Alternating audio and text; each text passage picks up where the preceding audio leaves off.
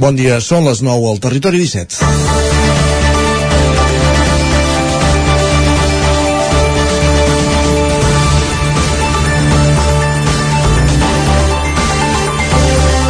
Soc innocent i no penso dimitir. Són dues de les frases de la compareixença d'ahir al migdia de la presidenta del Parlament, Laura Borràs, que a les portes que se li obri judici oral per la presumpta fragmentació de factures per contractar serveis a un amic quan presidia la institució de les lletres catalanes. Sí, aquest és, la, aquest és el presumpte delicte. Fragmentació de factures per tal que el muntant econòmic no arribés a la xifra legal per haver de convocar un concurs públic. Res a veure amb el procés o l'organització del referèndum. Borràs parla d'una persecució judicial perquè és qui és. En aquell moment, primer la portaveu de Junts al Congrés, després la candidata a la presidència de la Generalitat i finalment la presidenta del Parlament, però també una líder independentista que arrossega vots. Però el cas és que el reglament de la cambra que presideix, un reglament on la mateixa Borràs hi veu llacunes, hi ha un article que dona dret a la mesa a expulsar tot diputat quan se li obri judici oral per presumpta corrupció, i tot diputat inclou també la presidenta. I aquí la mesa i la mesa vol dir Junts, però també Esquerra, s'haurà de mullar. Fins ara hem vist que tant Quim Torra, amb un president d'Esquerra a la cambra, Roger Torrent, com el copaire Pau Jubillar, amb Borràs al capdavant, els han fet deixar a l'escó per presumptes delictes d'entrada, semblaria que menors, com penjar una pancarta al balcó o a la finestra de, de la respectiva administració. En els propers mesos veurem quin és el destí de Borràs. És dimecres, 6 de juliol de 2022, comença el Territori 17 a la sintonia d'Ona Codinenca, Ràdio Carradeu, la veu de Sant Joan, Ràdio Vic, el 9 FM i el 9 TV. Territori 17, amb Isaac Moreno i Jordi Sunyer.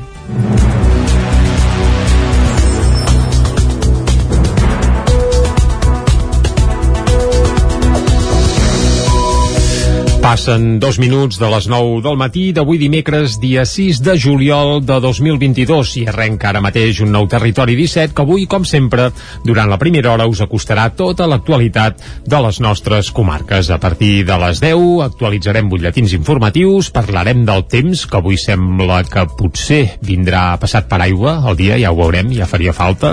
Això ens ho acostarà i ens ho confirmarà en Pep Acosta. Ahir va haver un preàmbul ja al vespre. Eh? Sí, poca cosa, poca cosa, però vaja, sembla que avui podria anar de debò, sobretot de cara a partir de migdia tarda, però això deixem-ho pels professionals Exacte. i de moment nosaltres només ens quedem amb el titular. Va, seguim, després de parlar del temps, cap a un quart d'onze arribarà l'entrevista. Avui, Isaac, des d'on?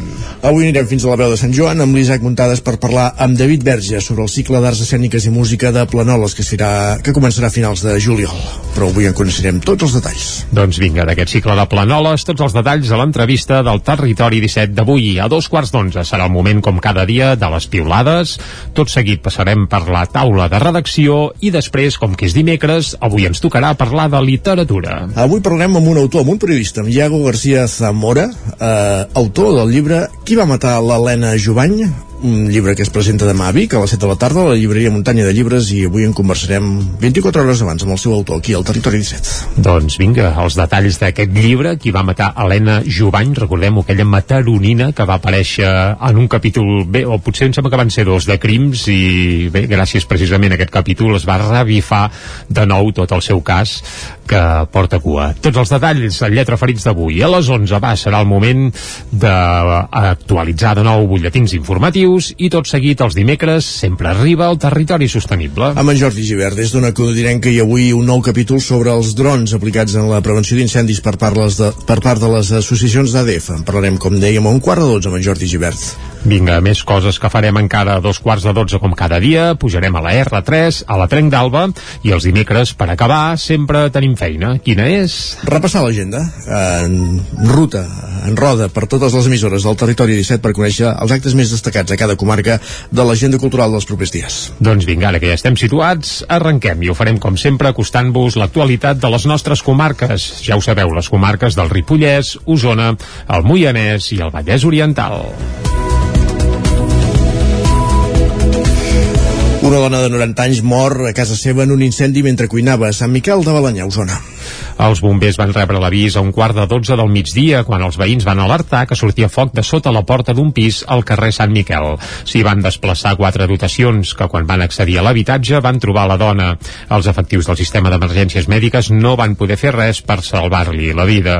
Els bombers van apagar el foc, que s'havia declarat a la cuina de l'habitatge, i van impedir que s'estengués per la resta de la casa on en aquell moment, segons la informació que tenen des, des de l'entitat municipal descentralitzada de Sant Miquel de Balanyà, la dona, que vivia amb un fill, estava sola. Els Mossos d'Esquadra s'han fet càrrec de la investigació dels fets. A Osona, la setena onada de la pandèmia de Covid-19 està tenint un impacte similar al tot el país. Els casos han augmentat entre un 25 i un 30% respecte a fa un mes i el control se centra sobretot en els col·lectius més vulnerables. Als hospitals de la comarca ahir hi havia 45 persones ingressades amb Covid-19. Set residències d'Osona tenen ara mateix brots de Covid-19, amb un total de 34 persones positives, una de les quals ha hagut de ser ingressada. El de les residències és un dels àmbits que les autoritats sanitàries estan controlant més en aquesta setena onada de la pandèmia pandèmia, en què la monitorització se centra sobretot en els col·lectius vulnerables i no en tota la població com s'havia fet anteriorment. A l'Hospital Universitari de Vic hi ha ara mateix 31 pacients amb Covid. A l'Hospital Universitari de la Santa Creu n'hi ha 10 i a l'Hospital Sant Jaume de Manlleu 4. En general són persones que ingressen per altres patologies de base. Ho explica Ima Cervós, que és la gerent de la regió sanitària Catalunya Central. El problema que ens preocupa és la seva patologia de base, de base persones molt vulnerables que també tenen Covid, però no estan ingressats per Covid, que aquesta és la diferència en relació a altres onades. I per això estem dient que la pressió al sistema sanitari no és tan alta com en passades onades. L'increment de casos de Covid a Osona respecte a fa un mes es calcula que ha estat d'entre el 25 i el 30% per l'elevada contagiositat de les noves variants que s'estan imposant, la BA4 i la BA5. L'augment de les infeccions també afecta el personal dels centres sanitaris en una època, l'estiu, en què ja hi ha menys efectius per les vacances. De moment, però, a la comarca es pot mantenir l'atenció als usuaris i Massarbós. A la resta de la Catalunya Central sí que a la resta de la Catalunya central sí que s'ha tingut que desprogramar activitat quirúrgica, a Vic no ens consta i no hem tingut que desprogramar tampoc visites. Per tant, una situació mm, mm, que sabem que podria afectar però en aquests moments no ha afectat. Des de la regió, de la regió volem dir sanitària Catalunya Central, descarten noves restriccions. Això sí, es demana prudència, sobretot en situacions d'aglomeracions o en persones que puguin ser especialment vulnerables i també tenir la pauta completa de vacunació. I Massarbós. Prudència vol dir que si anem a un lloc on hi ha una densitat important de persones i si algú és vulnerable, ús de mascareta, distància, ventilació, eh, si hi ha algú que tingui encara pendent una dosi de record de vacuna que se l'administri.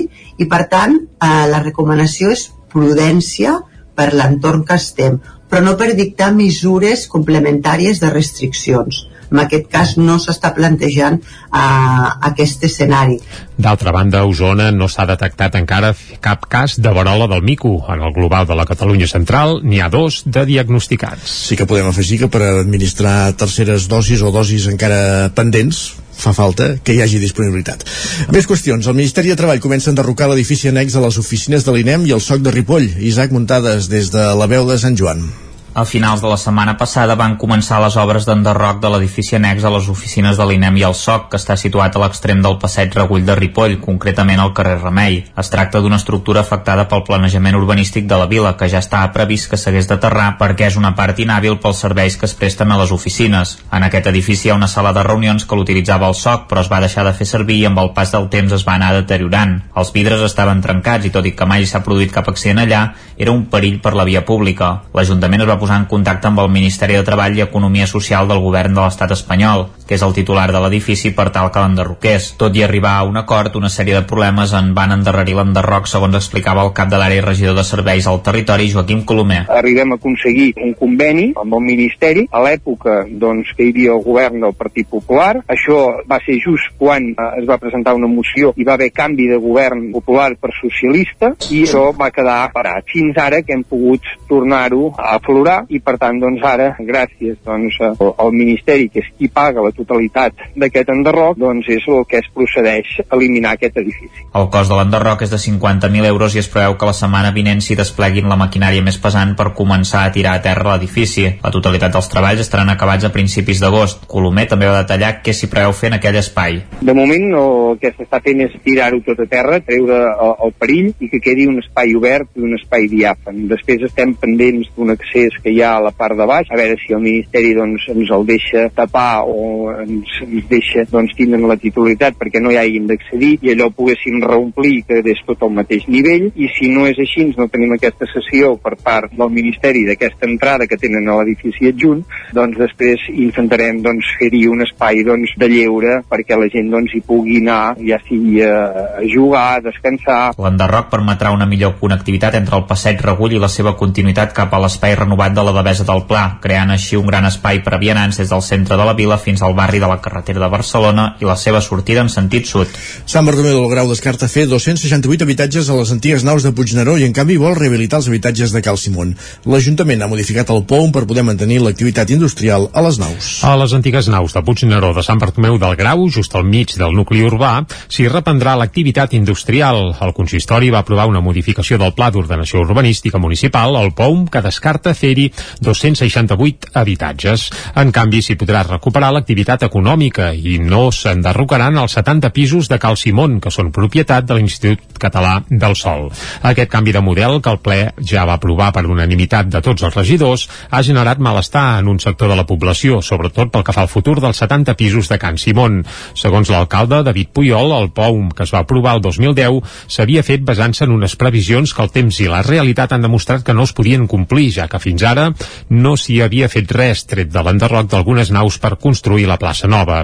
Ara fa dos anys, al maig del 2020, en plena pandèmia, el consistori va acordar suspendre les llicències i iniciar un procés d'estudi sobre el POUM que ha derivat en aquesta modificació. Tot plegat permetrà que el grup Benito Urban Novatilo pugui adequar les instal·lacions de la fàbrica a la normativa i traslladar-hi tota l'activitat. Pel que fa als 70 pisos de Cal Simón, amb el canvi urbanístic s'arreglaran i posteriorment es posaran a la venda. Actualment encara hi viuen set famílies a qui se'ls hauria de donar una sortida.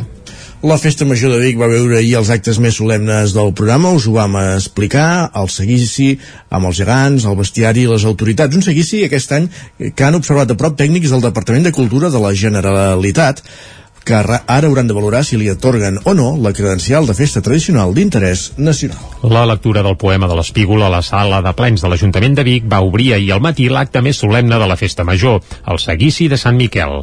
Un text de Robert Jové, que va llegir la regidora de Cultura Bet Piella, va marcar el tret de sortida de la comitiva. Al carrer, ple d'espígol, tal com marca la tradició, centenars de persones esperaven per seguir de ben a prop un seguici que després de dos anys de pandèmia es va desplegar amb total normalitat. El Mirma, el nen i la vella obrien la comitiva que va comptar amb la presència de totes les comparses. No hi van faltar els gegants centenaris ni l'àliga, una figura que fa 20 anys que es va recuperar. I també hi va haver estrenes, i és que després de tota una vida, l'històric Manel Bot, que per cert coneixem bé aquí a Territori 17, va donar pas a nous portadors de la vella i per primera vegada fins i tot a una portadora. Sergi Mir és un dels nous portadors del Capgròs de la Vella. Estem super orgullosos, aquest any és el nostre primer cop que portem la vella la Laura, la meva parella, ha portat la vella els dos dies de dia de la crida i a la vigília i ha fet història perquè és la primera noia de la ciutat de Vic que porta un cap de llúpia, vull dir que és tot un honor. El seguici també va ser especial pel fet que tècnics del Departament de Cultura el van presenciar per avaluar si la festa es mereix la credencial de festa tradicional d'interès nacional. Anna R és l'alcaldessa de Vic. Nosaltres com a ciutat som una ciutat amb molta història, amb tradicions mil·lenàries i evidentment el que fa temps ja que estem reclamant és que aquest seguici, tota aquesta festa que fem avui com el patró de Sant Miquel se'n reconeixi com de gran interès local a nivell nacional. Vol dir que nosaltres fa molts anys que es va recuperar i per nosaltres seria un gran honor poder aconseguir aquest reconeixement. La Festa Major de Vic continuarà encara amb actes fins diumenge al vespre. Per avui, per exemple, a la tarda hi ha sardanes i a la nit habaneres amb Neus Mar. Còrcia Teatre ha estrenat refugiats aquest cap de setmana a l'antic especial, en un antic espai industrial de Manlleu. La companyia usonenca, que celebra el 20è aniversari, farà representacions de l'obra durant tots els divendres i dissabtes de juliol a dos quarts de deu del vespre. Les entrades entrades eh, es poden reservar al Museu del Ter. Còrcia Teatre canvia d'escenari, però continuarà omplint de teatre les nits dels caps de setmana de juliol a Manlleu. La companyia professional usonenca, que durant els 12 últims estius havia estrenat produccions pròpies al Museu del Ter, s'ha estrenat i traslladat a l'antiga nau de Fragües del Ter, al carrer Santiago Rossinyol, on divendres ja hi van estrenar la seva adaptació de Refugiats de Sergi Pompermayer. Un espai industrial proper al local d'assaig de la companyia i recuperat per a l'ocasió, acull un text que té 20 anys d'història, però que resulta plenament actual i vigent pel tema de què tracta. L'estrena s'emmarca també en la celebració del 20è aniversari de Còrcia. Pep Simón, Àngela Coma, Abel Reyes, Joan Roura i Jordi Arqués, aquest últim en funcions també de director del muntatge, s'encarreguen de rescatar un text del conegut dramaturg Sergi Pompermayer, que en el seu moment va passar relativament desapercebut quan es va presentar a la sala tallers del TNC, precisament sota la direcció del manlleuenc David Plana.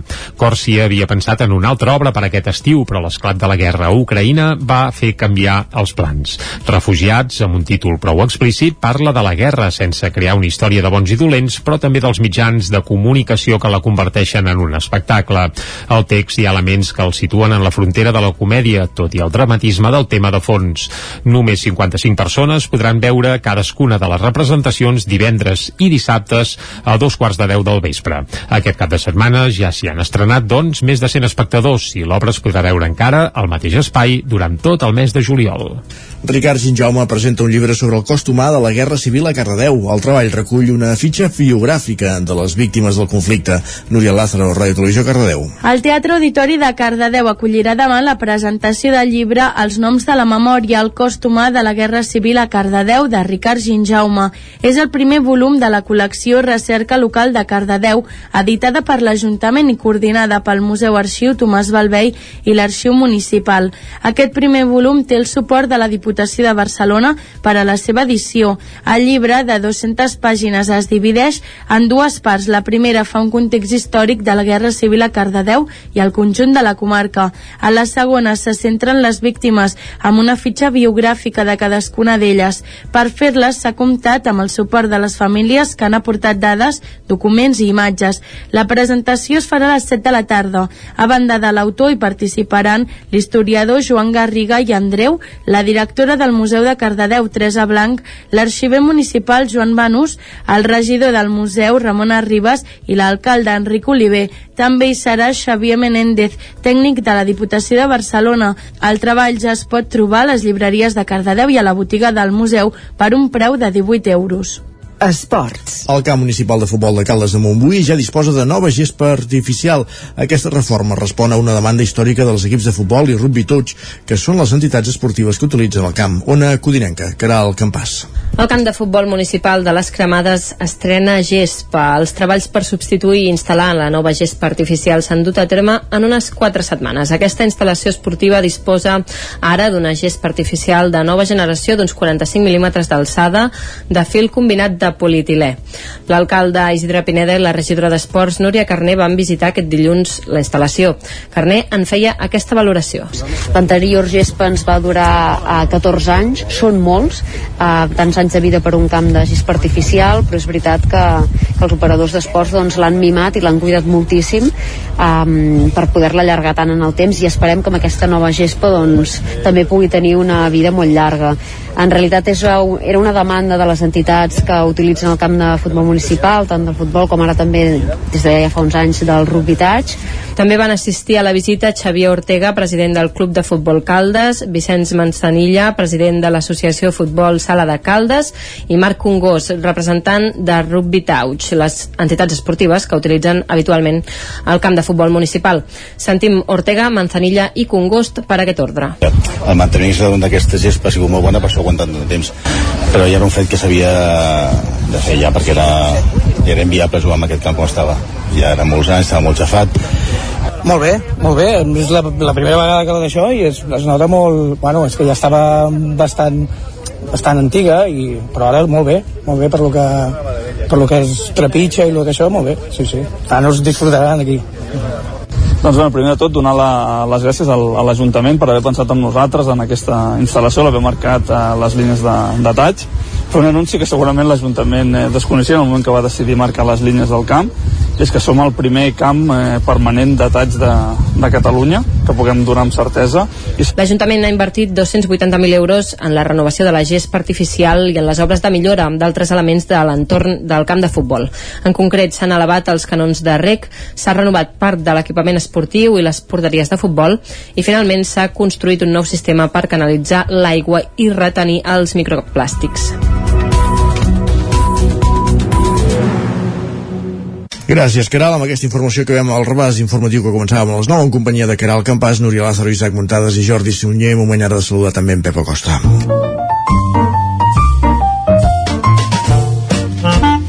Casa Terradellos us ofereix el temps. Un Pep Acosta que avui ve amb canvis i una mica més animat perquè es presenta un dia mogudoet. Va, bon dia, Pep. Molt bon dia a tothom. I bona hora. Què tal esteu? Bé, Com bé. la setmana? Mm. Espero que tot bé. Pel que fa al temps, eh, petit canvi de temps avui. Eh, Ja feia- petit, eh, ja era notable, notable. Aviam, aviam. Canvi de temps avui. Eh, fem, hi ha una, eh, un petit parèntesi en aquest estiu calorós i sec. Avui tindrem aquest petit parèntesi i és que hem d'aprofitar cada gota, cada gota que cau avui, eh, cada gota serà or, Uh, perquè després d'avui tots els mapes indiquen que ve un període llarg llarg de, de força tranquil·litat de sol i de temperatures bastant altes potser una de calor però atenció la que ens ve sobre perquè és una temperatura de ple estiu fins i tot per sobre del que seria normal eh? per tant aprofitar com sigui aquestes gotes d'avui perquè seran, ja com deia abans, eh, hora, eh? S'ha d'aprofitar molt i molt el que plogui eh, avui. De moment, per això, les comarques, entre ahir i aquesta nit ha pogut poc, eh, la majoria de pluges menys de 5 litres, eh, cap a l'oest de Catalunya i cap al Pirineu Occidental sí que ha pogut més, però les nostres comarques de moment eh, molt poca cosa, puges molt modestes. Esperem que avui pugui ploure bastant més. Les temperatures mínimes han baixat, han baixat respecte a altres dies, es nota que hi ha més núvols i hi ha aire fred en altura, ens passa una mica d'aire fred que és responsable de que creixin les nuvolades i de que avui pugui ploure. De bon matí ja tenim molts més núvols, aquesta nit també han caigut quatre gotes, eh, no es descarten ruixats eh, aquest matí, però en principi aquest matí de poca intensitat. Quan plourà més és de cara a migdia i a la tarda. I les comarques on és més possible que ploguis és Moianès i Osona. Hi ha un avís del Servei Meteorològic de Catalunya. Aquestes dues comarques eh, pot ploure més de 20 litres en mitja hora. Esperem que així sigui i que pugui ploure bastant. Veurem què va passant per això. Jo tinc l'esperança de que sí, eh, de que pugui ploure bastant, sobretot al Moianès i Osona. Uh, a la resta dels municipis tampoc es descarten tempestes fortes, tot i que probabilitat és menys, menys uh, significativa. Les temperatures màximes uh, una mica més baixes que les d'ahir. Ahir encara va fer força calor, 33 graus a Cales de Montbui, 37 a Montesquieu. Jo pensava que fluixa una mica la calor, però encara va ser molt intensa i avui sí que fluixa una mica. La majoria màxima és entre els 25 i els 30 graus. No tindrem aquestes grans calorades com les d'ahir.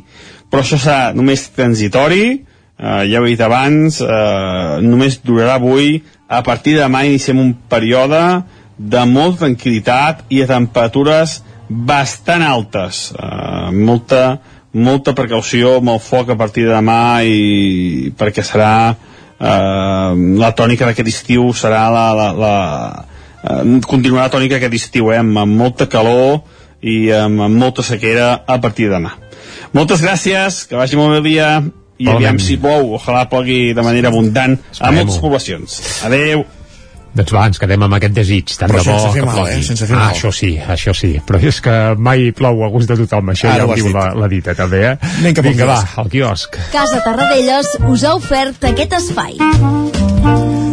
Què diuen avui els diaris a les portades? Doncs va, som-hi, comencem. Doncs va, comencem pel punt avui, titular principal, querella per Pegasus. I és que el president aragonès ha denunciat el CNI i l'empresa propietària de Pegasus. També Torra ha portat al Tribunal de Justícia de la Unió Europea la seva inhabilitació. I un altre cas vinculat a l'actualitat política, Laura Borràs, titular, soc innocent, no dimitiré. Per tant, de moment tenim presidenta del Parlament com a mínim per uns dies, ja es veurà. Uh, la fotografia principal al punt avui no és per Pegasus i per Laura Borràs, sinó que la central és per l'OTAN, que lliga l'ingrés de Suècia i Finlàndia que amb un temps rècord ja formen part de l'aliança del Tractat de l'Atlàntic Nord. Anem cap a l'ara, la llei antiburocràcia vol beneficiar 926.000 empreses i autònoms. Uh, què passarà? Doncs que un sol formulari, més finestreta única i menys autoritzacions claus del reglament de la norma. Aviam si ara trobaran la feina els... Uh, bé, anava a dir els assessors i, uh, i gent que ajuda els autònoms a omplir la paperassa. Bé, que també són autònoms alguns, però vaja. Més coses. Uh, Laura Borràs. Borràs no farà un pas al costat i uh, s'il·lustra tot plegat amb una fotografia d'ella en una declaració institucional ahir a la seu del Parlament. També la dimissió de dos ministres més deixa Johnson a la corda fluixa, en aquest cas això al Regne Unit. Anem cap a altres portades. El periòdico. Foment preveu una tardor de turbulències econòmiques.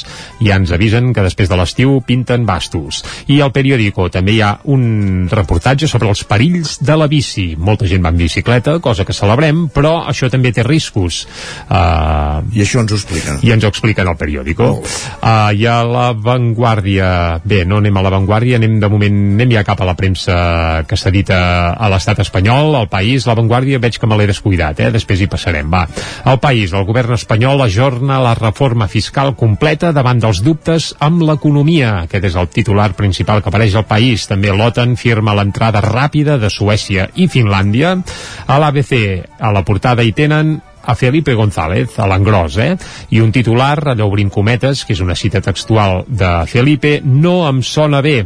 I és que Felipe González mostra el seu desacord amb la llei de memòria democràtica que va pactar ahir el PSOE amb Bildu i clar, el que no li agrada és que la llei de memòria històrica no s'acaba al 74 ni al 75 amb la mort de Franco, sinó que arriba fins als anys 80 i per exemple també hauria de bé, d'investigar o posar la lupa en el cas Gal, per exemple. Per exemple. El Mundo. La Moncloa tem que Díaz obri el govern al govern una crisi profunda. Això és el que apunten a, a la portada del Mundo i també eh, un disseny, els budells del nou Bernabéu i ensenyen com funciona el nou estadi del Madrid eh, i la veritat és que el, almenys el dibuix que hi ha a la portada fa, fa molt de goig. Carai. Sí. Muntades ja, Tenen ja un bon presumeix, camp. ja presumeix d'estadi muntades. Pausa i tornem. El nou FM, la ràdio de casa, al 92.8. Passema, comercial de maquinària i utillatges amb més de 50 anys al vostre servei. Visiteu la nostra botiga i trobareu productes de gran qualitat. Passema, som al polígon Sot dels Pradals, al carrer Cervera 10 de Vic. Telèfon 93 885 32 51. Us desitgem una bona festa major de Vic. Cobertes serveis funeraris. Els nostres tanatoris estan ubicats en els nuclis urbans més poblats de la comarca d'Osona per oferir un millor servei. Tanatori de Vic, Tanatori de Manlleu, Tanatori de Centelles i Tanatori de Roda de Ter. Sabem que són moments difícils i per això el nostre compromís és atendre-us en tot moment amb un tracte humà, sensible i respectuós. Cobertes serveis funeraris. Telèfon 24 hores 93 883 23 46. El Roures Parc de Ceba. Obrim a partir del 27 de juny. Pista de volei, pista 3x3, bar, zona de pícnic i una gran caseta de boles. Tres piscines amb un ampli entorn de gespa i arbredes frondoses per gaudir de la natura sense passar calor. I aquest any estrenem jocs infantils i tornen els tastets de volei pels més petits. El Roures Parc de Ceba. Obrim cada dia des de dos quarts d'onze fins a dos quarts de vuit del vespre. T'hi esperem. Totes les coses que toques, colores, que sents i que plores. Per anar de la mà, per créixer, menjar, caminar i respirar. Tenim un pla per cridar la justícia, per ser tots iguals. Tenim un pla pel plàstic que flota, per cuidar la flora.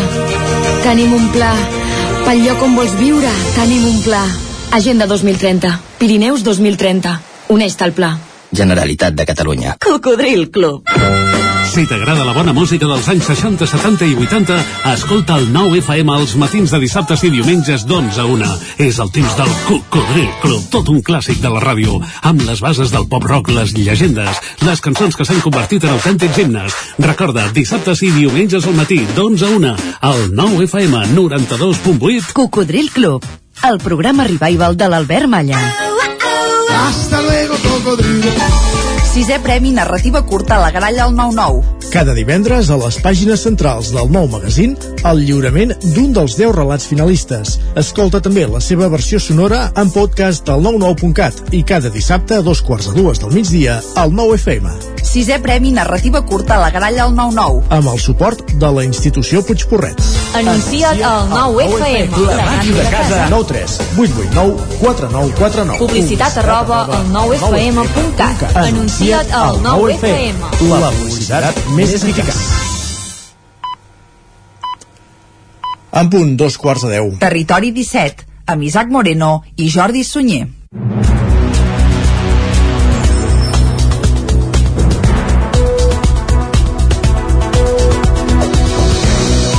Doncs vinga, dos quarts de deu en punt d'avui dimecres, dia 6 de juliol de 2022. Seguim en directe aquí a Territori 17 i seguirem fent-vos companyia encara fins al punt de les 12 del migdia.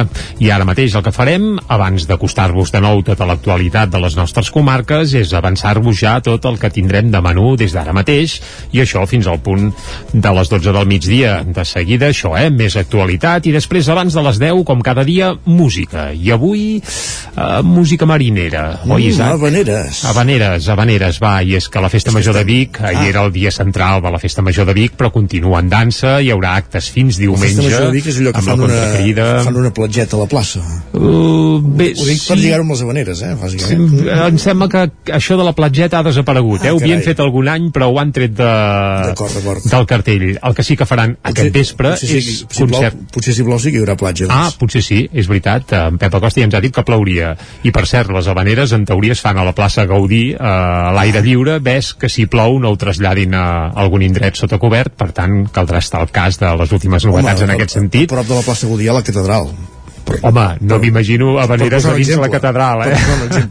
Amb el ressò i la rever que té la catedral de Vic, fer-hi un concert d'habaneres podria ser, com a mínim, agosarat. Però bé, divertit segur que ho seria, i a més són habaneres, atenció, en clau femenina. Ah, molt bé. Sí, bé, l'any passat recordo que van portar les anxovetes, que jo crec que ara mateix és un dels millors grups d'habaneres, ja no parlo de gènere, eh? en femení, en masculí, doncs un dels millors grups que hi ha en l'àmbit dels països catalans segurament són les anxovetes, i aquest any tornaran les habaneres en clau femenina amb una altra veu eh, que és Neus i té un cognom tan mariner que gairebé fa riure Neus Mar Carai. Mar, Mar, Per Mar cert, que les anxovetes també són, o han estat aquest cap de setmana, a les, a les fresques de Torelló hi venen. No sé si van Sí. si el cap de setmana passat o el que ve. I van ser el cap de setmana passat, correcte, i van triomfar molt, com sempre. És que ho fan molt bé, que ho fan molt bé. Va, doncs això, habaneres avui, a les 10, després d'escoltar una habanera, el que farem és actualitzar butlletins informatius, tot seguit parlarem del temps amb en Pep Acosta i a l'entrevista anirem fins a Planoles, oi? Cap al Ripollès, amb l'Isaac Montades, des de la veu de Sant Joan, parlarem amb Davi- David Verge, en aquest cas d'un altre cicle cultural, del cicle d'arts escèniques i música de Planoles, que es farà a partir de la darrera setmana del mes de juliol. Ves que no hi facin habaneres, també, en aquest cicle. Oh, això no ho sabem. N'hi haurem de Ens ho demanar. explicarà David Verge, en tot Va, cas. a dos quarts d'onze serà el moment de les piulades, tot seguit passarem com cada dia per la taula de redacció i després arribarà el Lletra Ferits. Avui amb un tema d'actualitat entrevistarem amb Diego García Zamora, que és el periodista que va ser el primer que va posar el focus sobre el cas Helena Joany quan eh, estava totalment aparcat, ja aparcat, dir, mort i sí, enterrat sí. per entendre'ns i de fet de la seva investigació mm, en va sorgir posteriorment el, el Crims que és el que ha posat eh, el, el cas Jovany al capdamunt de la palestra i que fet, de fet ha provocat que reobri el cas. Qui va matar l'Helena Jovany és el llibre que ha publicat Iago García Zamora aquest, aquest 2022 que demà el presenta a Vic a la llibreria Muntanya de Llibres i avui conversarem amb ell al Lletra Ferit just abans de les 11. Doncs vinga, tots els detalls del cas Jovany, el lletra ferits eh, d'avui. A les 11, més actualitat, més notícies, de nou aquí al Territori 17, i després, els dimecres, arriba sempre l'hora del Territori Sostenible amb en Jordi Givert, oi? Des d'Ona Codinenca i avui parlant de drons aplicats en la prevenció d'incendis. Ho descobrirem quan parlem amb en Givert a partir d'un quart de dotze. Molt bé, i per acabar, com cada dia, a dos quarts de dotze, pugem a la R3, a la Trenc d'Alba, i els dimecres us rematem amb propostes culturals pel cap de setmana. A l'agenda, la roda que fem per les diferents emissores del Territori 17 a la recta final del programa d'avui dimecres 6 de juliol de 2022. Doncs vinga, ara que estem situats, seguim i ho farem com sempre constant-vos l'actualitat de les nostres comarques. Ja ho sabeu, les comarques del Ripollès, Osona, el Moianès i el Vallès Oriental. Una dona de 90 anys mor a casa seva en un incendi mentre cuinava a Sant Miquel de Balanyà, Osona. Els bombers van rebre l'avís a un quart de 12 del migdia quan els veïns van alertar que sortia foc de sota la porta d'un pis al carrer Sant Miquel. S'hi van desplaçar quatre dotacions que quan van accedir a l'habitatge van trobar la dona. Els efectius del sistema d'emergències mèdiques no van poder fer res per salvar-li la vida. Els bombers van apagar el foc que s'havia declarat a la cuina de l'habitatge i van impedir que s'estengués per la resta de la casa on en aquell moment, segons la informació que tenen des, des de l'entitat municipal descentralitzada de Sant Miquel de Balanyà, la dona que vivia amb un fill estava sola. Els Mossos d'Esquadra s'han fet càrrec de la investigació dels fets. A Osona, la setena onada de la pandèmia de Covid-19 està tenint un impacte similar al tot el país. Els casos han augmentat entre un 25 i un 30% respecte a fa un mes i el control se centra sobretot en els col·lectius més vulnerables. Als hospitals de la comarca ahir hi havia 45 persones ingressades amb Covid-19. Set residències d'Osona tenen ara mateix brots de Covid-19, amb un total de 34 persones positives, una de les quals ha hagut de ser ingressada. El de les residències és un dels àmbits que les autoritats sanitàries estan controlant més en aquesta setena onada de la pandèmia, en què la monitorització se centra sobretot en els col·lectius vulnerables i no en tota la població com s'havia fet anteriorment. A l'Hospital Universitari de Vic hi ha ara mateix 31 pacients amb Covid. A l'Hospital Universitari de la Santa Creu n'hi ha 10 i a l'Hospital Sant Jaume de Manlleu 4. En general són persones que ingressen per altres patologies de base. Ho explica Ima Cervós, que és la gerent de la regió sanitària Catalunya Central. El problema que ens preocupa és la seva patologia de base, de base persones molt vulnerables que també tenen Covid, però no estan ingressats per Covid, que aquesta és, la diferència en relació a altres onades. I per això estem dient que la pressió al sistema sanitari no és tan alta com en passades onades. L'increment de casos de Covid a Osona respecte a fa un mes es calcula que ha estat d'entre el 25 i el 30% per l'elevada contagiositat de les noves variants que s'estan imposant, la BA4 i la BA5. L'augment de les infeccions també afecta el personal dels centres sanitaris en una època, l'estiu, en què ja hi ha menys efectius per les vacances. De moment, però, a la comarca es pot mantenir l'atenció als usuaris i Massarbós. A la de la Catalunya central sí que a la resta de la Catalunya central sí que s'ha tingut que desprogramar activitat quirúrgica, a Vic no ens consta i no hem tingut que desprogramar tampoc visites. Per tant, una situació mm, mm, que sabem que podria afectar però en aquests moments no ha afectat. Des de la regió, de la regió volem dir, sanitària Catalunya Central, descarten noves restriccions. Això sí, es demana prudència, sobretot en situacions d'aglomeracions o en persones que puguin ser especialment vulnerables i també tenir la pauta completa de vacunació. I Massarbós. Prudència vol dir que si anem a un lloc on hi ha una densitat important de persones i si algú és vulnerable, ús de mascareta, distància, ventilació, eh, si hi ha algú que tingui encara pendent una dosi de record de vacuna que se l'administri. I per tant eh, la recomanació és prudència per l'entorn que estem però no per dictar mesures complementàries de restriccions. En aquest cas no s'està plantejant uh, aquest escenari.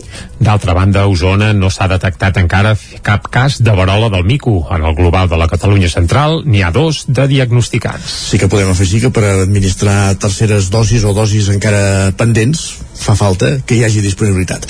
Més qüestions. El Ministeri de Treball comença a enderrocar l'edifici annex a les oficines de l'INEM i el SOC de Ripoll. Isaac Muntades des de la veu de Sant Joan.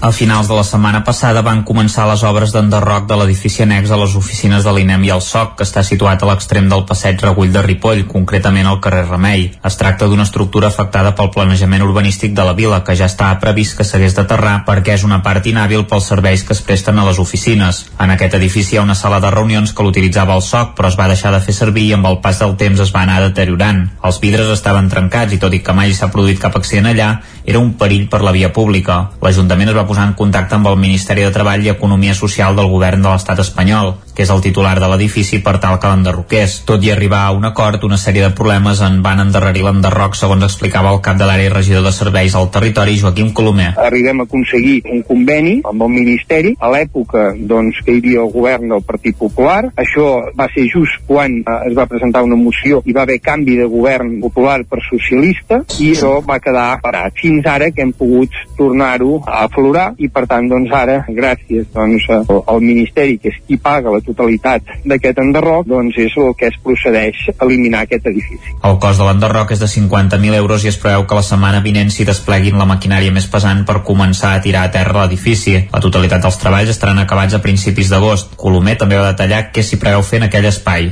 De moment no, el que s'està fent és tirar-ho tot a terra, treure el, el perill i que quedi un espai obert i un espai diàfan. Després estem pendents d'un accés que hi ha a la part de baix, a veure si el Ministeri doncs, ens el deixa tapar o ens, deixa doncs, tindre la titularitat perquè no hi hagin d'accedir i allò poguéssim reomplir que és tot al mateix nivell i si no és així, no tenim aquesta sessió per part del Ministeri d'aquesta entrada que tenen a l'edifici adjunt, doncs després intentarem doncs, fer-hi un espai doncs, de lleure perquè la gent doncs, hi pugui anar ja sigui a jugar, a descansar. L'enderroc permetrà una millor connectivitat entre el passeig Regull i la seva continuïtat cap a l'espai renovat de la Devesa del Pla, creant així un gran espai per a vianants des del centre de la vila fins al barri de la carretera de Barcelona i la seva sortida en sentit sud. Sant Bartomeu del Grau descarta fer 268 habitatges a les antigues naus de Puigneró i en canvi vol rehabilitar els habitatges de Cal Simón. L'Ajuntament ha modificat el POUM per poder mantenir l'activitat industrial a les naus. A les antigues naus de Puigneró de Sant Bartomeu del Grau, just al mig del nucli urbà, s'hi reprendrà l'activitat industrial. El consistori va aprovar una modificació del Pla d'Ordenació Urbanística Municipal, el POUM, que descarta fer-hi 268 habitatges. En canvi, s'hi podrà recuperar l'activitat econòmica i no s'enderrocaran els 70 pisos de Cal Simón, que són propietat de l'Institut Català del Sol. Aquest canvi de model, que el ple ja va aprovar per unanimitat de tots els regidors, ha generat malestar en un sector de la població, sobretot pel que fa al futur dels 70 pisos de Can Simón. Segons l'alcalde David Puyol, el POUM que es va aprovar el 2010 s'havia fet basant-se en unes previsions que el temps i la realitat han demostrat que no es podien complir, ja que fins ara no s'hi havia fet res tret de l'enderroc d'algunes naus per construir la plaça nova. Ara fa dos anys, al maig del 2020, en plena pandèmia, el consistori va acordar suspendre les llicències i iniciar un procés d'estudi sobre el POUM que ha derivat en aquesta modificació. Tot plegat permetrà que el grup Benito Urban Novatilo pugui adequar les instal·lacions de la fàbrica a la normativa i traslladar-hi tota l'activitat. Pel que fa als 70 pisos de Cal Simón, amb el canvi urbanístic s'arreglaran i posteriorment es posaran a la venda. Actualment encara hi viuen set famílies a qui se'ls hauria de donar una sortida. La Festa Major de Vic va veure ahir els actes més solemnes del programa, us ho vam explicar, el seguici amb els gegants, el bestiari i les autoritats. Un seguici aquest any que han observat a prop tècnics del Departament de Cultura de la Generalitat que ara hauran de valorar si li atorguen o no la credencial de festa tradicional d'interès nacional. La lectura del poema de l'Espígol a la sala de plens de l'Ajuntament de Vic va obrir ahir al matí l'acte més solemne de la festa major, el seguici de Sant Miquel. Un text de Robert Jové, que va llegir la regidora de Cultura Bet Piella, va marcar el tret de sortida de la comitiva. Al carrer, ple d'espígol, tal com marca la tradició, centenars de persones esperaven per seguir de ben a prop un seguici que després de dos anys de pandèmia es va desplegar amb total normalitat. El Merma, el nen i la vella obrien la comitiva que va comptar amb la presència de totes les comparses. No hi van faltar els gegants centenaris ni l'àliga, una figura que fa 20 anys que es va recuperar. I també hi va haver estrenes, i és que després de tota una vida, l'històric Manel Bot, que per cert coneixem bé aquí a Territori 17, va donar pas a nous portadors de la vella i per primera vegada fins i tot a una portadora. Sergi Mir és un dels nous portadors del Capgròs de la Vella. Estem super orgullosos, aquest any és el nostre primer cop que portem la vella la Laura, la meva parella, ha portat la vella els dos dies, de dia de la crida i a la vigília, i ha fet història perquè és la primera noia de la ciutat de Vic que porta un cap de llúpia vull dir que és tot un honor El seguici també va ser especial pel fet que tècnics del Departament de Cultura el van presenciar per avaluar si la festa es mereix la credencial de festa tradicional d'interès nacional. Anna R és l'alcaldessa de Vic. Nosaltres com a ciutat som una ciutat amb molta història, amb tradicions mil·lenàries i evidentment el que fa temps ja que estem reclamant és que aquest seguici, tota aquesta festa que fem avui com el patró de Sant Miquel se'n reconeixi com de gran interès local a nivell nacional. Vol dir que nosaltres fa molts anys que es va recuperar i per nosaltres seria un gran honor poder aconseguir aquest reconeixement. La Festa Major de Vic continuarà encara amb actes fins diumenge al vespre. Per avui, per exemple, a la tarda hi ha sardanes i a la nit habaneres amb Neus Mar. Còrcia Teatre ha estrenat refugiats aquest cap de setmana a l'antic especial, en un antic espai industrial de Manlleu. La companyia Osonenca, que celebra el 20è aniversari, farà representacions de l'obra durant tots els divendres i dissabtes de juliol a dos quarts de 10 del vespre. Les entrades eh, es poden reservar al Museu del Ter.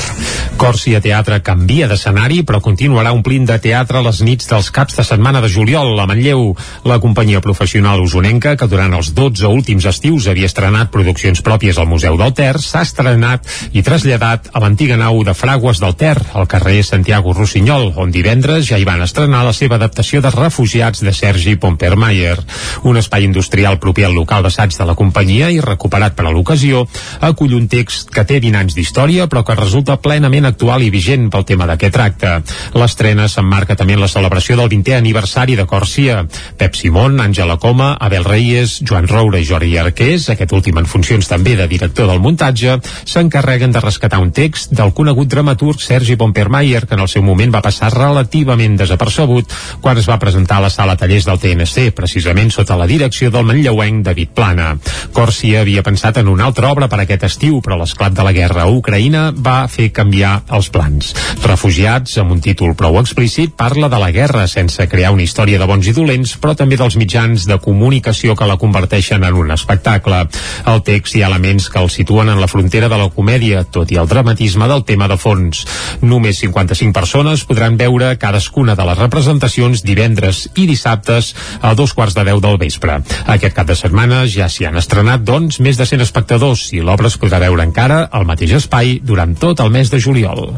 Ricard Ginjaume presenta un llibre sobre el cost humà de la Guerra Civil a Cardedeu. El treball recull una fitxa biogràfica de les víctimes del conflicte. Núria Lázaro, Ràdio Televisió, Cardedeu. El Teatre Auditori de Cardedeu acollirà demà la presentació del llibre Els noms de la memòria, el cost humà de la Guerra Civil a Cardedeu de Ricard Ginjaume. És el primer volum de la col·lecció Recerca Local de Cardedeu, editada per l'Ajuntament i coordinada pel Museu Arxiu Tomàs Balvei i l'Arxiu Municipal.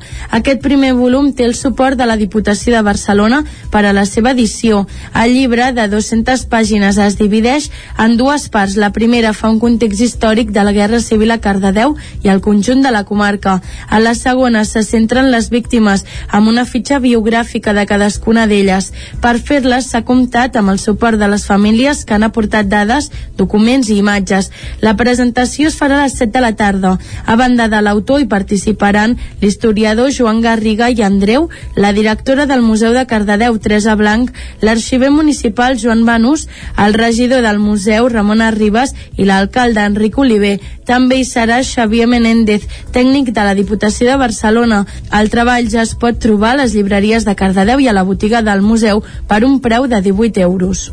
Esports. El camp municipal de futbol de Caldes de Montbui ja disposa de nova gespa artificial. Aquesta reforma respon a una demanda històrica dels equips de futbol i rugby touch, que són les entitats esportives que utilitzen el camp. Ona Codinenca, que era el campàs. El camp de futbol municipal de les Cremades estrena gespa. Els treballs per substituir i instal·lar la nova gespa artificial s'han dut a terme en unes 4 setmanes. Aquesta instal·lació esportiva disposa ara d'una gespa artificial de nova generació d'uns 45 mil·límetres d'alçada de fil combinat de polietilè. L'alcalde Isidre Pineda i la regidora d'Esports Núria Carné van visitar aquest dilluns la instal·lació. Carné en feia aquesta valoració. L'anterior gespa ens va durar a 14 anys, són molts, uh, tants anys de vida per un camp de gespa artificial, però és veritat que, que els operadors d'esports doncs, l'han mimat i l'han cuidat moltíssim um, per poder-la allargar tant en el temps i esperem que amb aquesta nova gespa doncs, també pugui tenir una vida molt llarga. En realitat és, era una demanda de les entitats que utilitzen el camp de futbol municipal, tant del futbol com ara també des de ja fa uns anys del rugby touch. També van assistir a la visita Xavier Ortega, president del Club de Futbol Caldes, Vicenç Manzanilla, president de l'Associació Futbol Sala de Caldes, i Marc Congós, representant de Rugby Touch, les entitats esportives que utilitzen habitualment el camp de futbol municipal. Sentim Ortega, Manzanilla i Congost per aquest ordre. El mantenir-se d'aquesta gespa ha sigut molt bona, per això ha aguantat tant de temps. Però ja era un fet que s'havia de fer ja, perquè era, era inviable jugar en aquest camp com estava. Ja era molts anys, estava molt xafat. Molt bé, molt bé. És la, la primera vegada que d'això i es, es nota molt... Bueno, és que ja estava bastant bastant antiga, i, però ara molt bé, molt bé per lo que, per lo que es trepitja i lo que això, molt bé, sí, sí. Ara us disfrutaran aquí. Doncs bueno, primer de tot donar la, les gràcies al, a l'Ajuntament per haver pensat en nosaltres en aquesta instal·lació, l'haver marcat eh, les línies de, de taig fer un anunci que segurament l'Ajuntament eh, desconeixia en el moment que va decidir marcar les línies del camp és que som el primer camp eh, permanent de taig de, de Catalunya que puguem donar amb certesa L'Ajuntament ha invertit 280.000 euros en la renovació de la gespa artificial i en les obres de millora d'altres elements de l'entorn del camp de futbol. En concret, s'han elevat els canons de rec, s'ha renovat part de l'equipament i les porteries de futbol i finalment s'ha construït un nou sistema per canalitzar l'aigua i retenir els microplàstics. Gràcies, Caral. Amb aquesta informació que veiem al rebàs informatiu que començàvem a les 9 en companyia de Caral Campàs, Núria Lázaro, Isaac Montades i Jordi Sunyer. Moment ara de saludar també en Pep Acosta.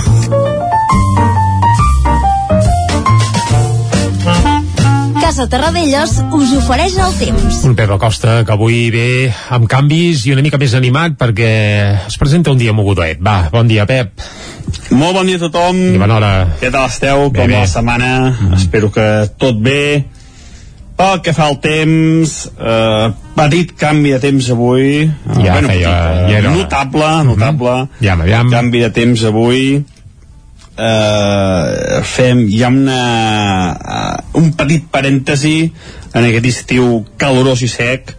Avui tindrem aquest petit parèntesi i és que hem d'aprofitar cada gota, cada gota que acaba avui, eh, cada gota serà or, Uh, perquè després d'avui tots els mapes indiquen que ve un període llarg llarg de, de força tranquil·litat de sol i de temperatures bastant altes potser no una de calor però atenció a la que ens ve sobre perquè és una temperatura de ple estiu fins i tot per sobre del que seria normal eh? per tant aprofitar com sigui aquestes gotes d'avui perquè seran, ja com deia abans, eh, hora, eh? S'ha d'aprofitar molt i molt el que plogui eh, avui.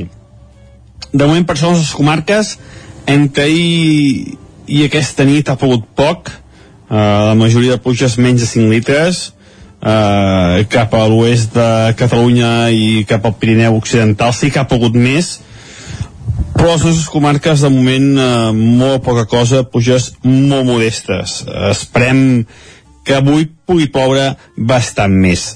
Les temperatures mínimes han baixat, han baixat respecte a altres dies, es nota que hi ha més núvols i hi ha aire fred en altura, ens passa una mica d'aire fred que és responsable de que creixin les nuvolades i de que avui pugui ploure. De bon matí ja tenim molts més núvols, aquesta nit també han caigut quatre gotes, eh, no es descarten ruixats eh, aquest matí, però en principi aquest matí de poca intensitat. Quan plourà més és de cada migdia i a la tarda. I les comarques on és més possible que ploguis és Moianès i Osona. Hi ha un avís del Servei Meteorològic de Catalunya. Aquestes dues comarques eh, pot ploure més de 20 litres en mitja hora. Esperem que així sigui i que pugui ploure bastant. Veurem què va passant per això. Jo tinc l'esperança de que sí, eh, que pugui ploure bastant, sobretot al Moianès i Osona. Uh, a la resta dels municipis tampoc es descarten tempestes fortes, tot i que la probabilitat és menys, menys uh, significativa.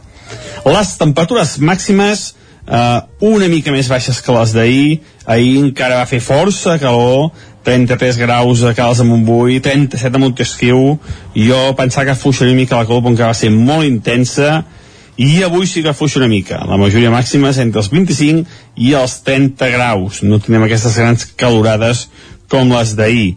Però això serà només transitori, eh, ja ho he dit abans, eh, només durarà avui. A partir de demà iniciem un període de molta tranquil·litat i de temperatures bastant altes. Eh, molta, molta precaució amb el foc a partir de demà i perquè serà eh, la tònica d'aquest estiu serà la, la, la eh, continuarà la tònica aquest estiu eh, amb, amb molta calor i amb, amb molta sequera a partir de demà.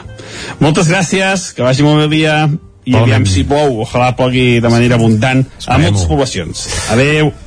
Doncs va, ens quedem amb aquest desig, tant Però de bo que mal, plogui. eh? Sense ah, mal. això sí, això sí, però és que mai plou a gust de tothom, això Ara ja ho diu la, la dita també, eh? Anem Vinga, va, al quiosc. Casa Tarradellas us ha ofert aquest espai. Què diuen avui els diaris a les portades? Doncs va, som-hi, comencem. Doncs va, comencem pel punt avui, titular principal, querella per Pegasus. I és que el president aragonès ha denunciat el CNI i l'empresa propietària de Pegasus. També Torra ha portat al Tribunal de Justícia de la Unió Europea la seva inhabilitació. I un altre cas vinculat a l'actualitat política, Laura Borràs, titular, soc innocent, no dimitiré. Per tant, de moment tenim presidenta del Parlament com a mínim per uns dies, ja es veurà. Uh, la fotografia principal al punt avui no és per Pegasus i per Laura Borràs, sinó que la central és per l'OTAN, que lliga l'ingrés de Suècia i Finlàndia, que en un temps rècord ja formen part de l'aliança del Tractat de l'Atlàntic Nord. Anem cap a l'ara, la llei antiburocràcia vol beneficiar 926.000 empreses i autònoms. Uh, què passarà? Doncs que un sol formulari, més finestreta única i menys autoritzacions claus del reglament de la norma aviam si ara trobaran la feina els uh, bé, anava a dir els assessors i uh, i gent que ajuda els autònoms a omplir la paperassa bé, que també són autònoms alguns, però vaja més coses, uh, Laura Borràs Borràs no farà un pas al costat i uh, s'il·lustra tot plegat amb una fotografia d'ella en una declaració institucional ahir a la seu del Parlament. També la dimissió de dos ministres més deixa Johnson a la corda fluixa, en aquest cas això al Regne Unit. Anem cap a altres portades. El periòdico Foment preveu una tardor de turbulències econòmiques. Ja ens avisen que després de l'estiu pinten bastos. I al periòdico també hi ha un reportatge sobre els perills de la bici. Molta gent va en bicicleta, cosa que celebrem, però això també té riscos. Uh, I això ens ho expliquen. I ens ho expliquen al periòdico. Uh, I a la Vanguardia, bé, no anem a la Vanguardia, anem de moment, anem ja cap a la premsa que s'edita a l'estat espanyol, al País, la Vanguardia veig que me l'he descuidat, eh? després hi passarem, va. El País, el govern espanyol ajorna la reforma fiscal completa davant dels dubtes amb l'economia. Aquest és el titular principal que apareix al País. També l'OTAN firma l'entrada ràpida de Suècia i Finlàndia. A l'ABC, a la portada hi tenen a Felipe González, a l'engròs, eh? I un titular, allò obrint cometes, que és una cita textual de Felipe, no em sona bé. I és que Felipe González mostra el seu desacord amb la llei de memòria democràtica que va pactar ahir el PSOE amb Bildu. I, clar, el que no li agrada és que la llei de memòria històrica no s'acaba al 74 ni al 75 amb la mort de Franco, sinó que arriba fins als anys 80 i, per exemple, també hauria de bé, d'investigar o posar la lupa en el cas Gal, per exemple. Per exemple. El Mundo, la Moncloa tem que Díaz obri el govern eh, al govern una crisi profunda. Això és el que apunten a, a la portada del Mundo i també eh, un disseny, els budells del nou Bernabéu i ensenyen com funciona el nou estadi del Madrid eh, i la veritat és que el, almenys el dibuix que hi ha a la portada fa, fa molt de goig. Perquè llueixi, perquè presumeixi l'Isaac Muntades. Uh, anem per la música, anem a posar-hi música. Abans fem un repàs ràpid a la portada de la Vanguardia que ens l'havíem oblidat. Sánchez i Díaz s'enfrenta- eh, s'enfronten per la despesa en defensa, amb fotografia de, de Yolanda Díaz. La fotografia, però, la fotografia principal és per un heroi de 17 anys al Mediterrani, diu, i es tracta d'un jove eh, que anava en una balsa, o per tant eh, que va naufragar i que es va que com que sabia nedar es va eh, encarregar de salvar intentar salvar el màxim de persones d'aquesta embarcació que, que, que anava a la deriva i acostar-los fins a, fins a la rampa on hi havia metges sense fronteres. Com en dèiem avui la protagonista de la portada de la Vanguardia i també dos titulars més. Els mercats reaccionen amb caigudes eh, els símptomes de la recessió econòmica i Alexia es trenca i diu adeu a l'Eurocop Alexia Putelles i ara sí, ja està sonant de fons la cançó amb la que arribarem al punt de les 10, com dèiem de càrrec de Neus Mar. Uh, avui actua la Festa Major de Vic, ens porta Veneres a la plaça Gaudí a partir de les 10 de la nit. A Veneres en clau femenina, com aquesta cançó, Lola la tavernera del disc Aigua de Flors. Seu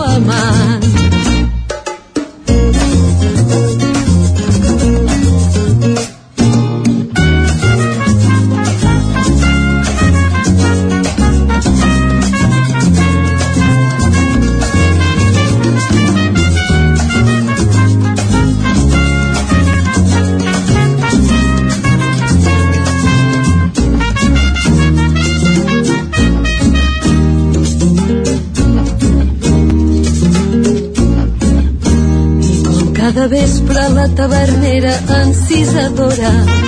Espera el galant que com cada nit l'ha d'enamorar. Amb la guitarra i un got de vi cantarà alegre tota la nit. Cançons de Cuba, cants de mulates i blau marí. Corre Lola, posa'm un got de vi. I et canto tota la nit i mentre li canta una vanera amb la guitarra ella mou el cul, balanceja els pits i fa una rialla. I mirant coquet estica l'ulleta al noi de Calella ruixolant el cos marcant el compàs d'aquella vanera el teu cos m'encén, el teu cos em pot mulateta vella. Jo t'estimaré fins la fi dels temps si tu vols ser meva. I la vella ronda llença el davantal mans a la cintura balla amb soltura pel seu amant. Mans a la cintura balla amb soltura pel seu amant. Mans a la cintura balla amb soltura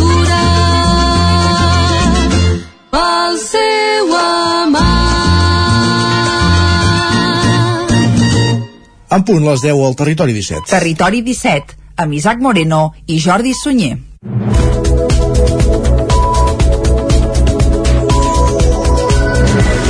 Dimecres 6 de juliol de 2022, moment al territori 17 d'actualitzar-nos, de posar-nos al dia amb les notícies més destacades de les nostres comarques, el Moianès, el Ripollès, el Vallès Oriental i Osona, i ho fem en connexió amb les diferents emissores que dia a dia fan possible aquest programa Ona Codinenca, Ràdio Cardedeu, la veu de Sant Joan, Ràdio Vic, el 9 FM i el 9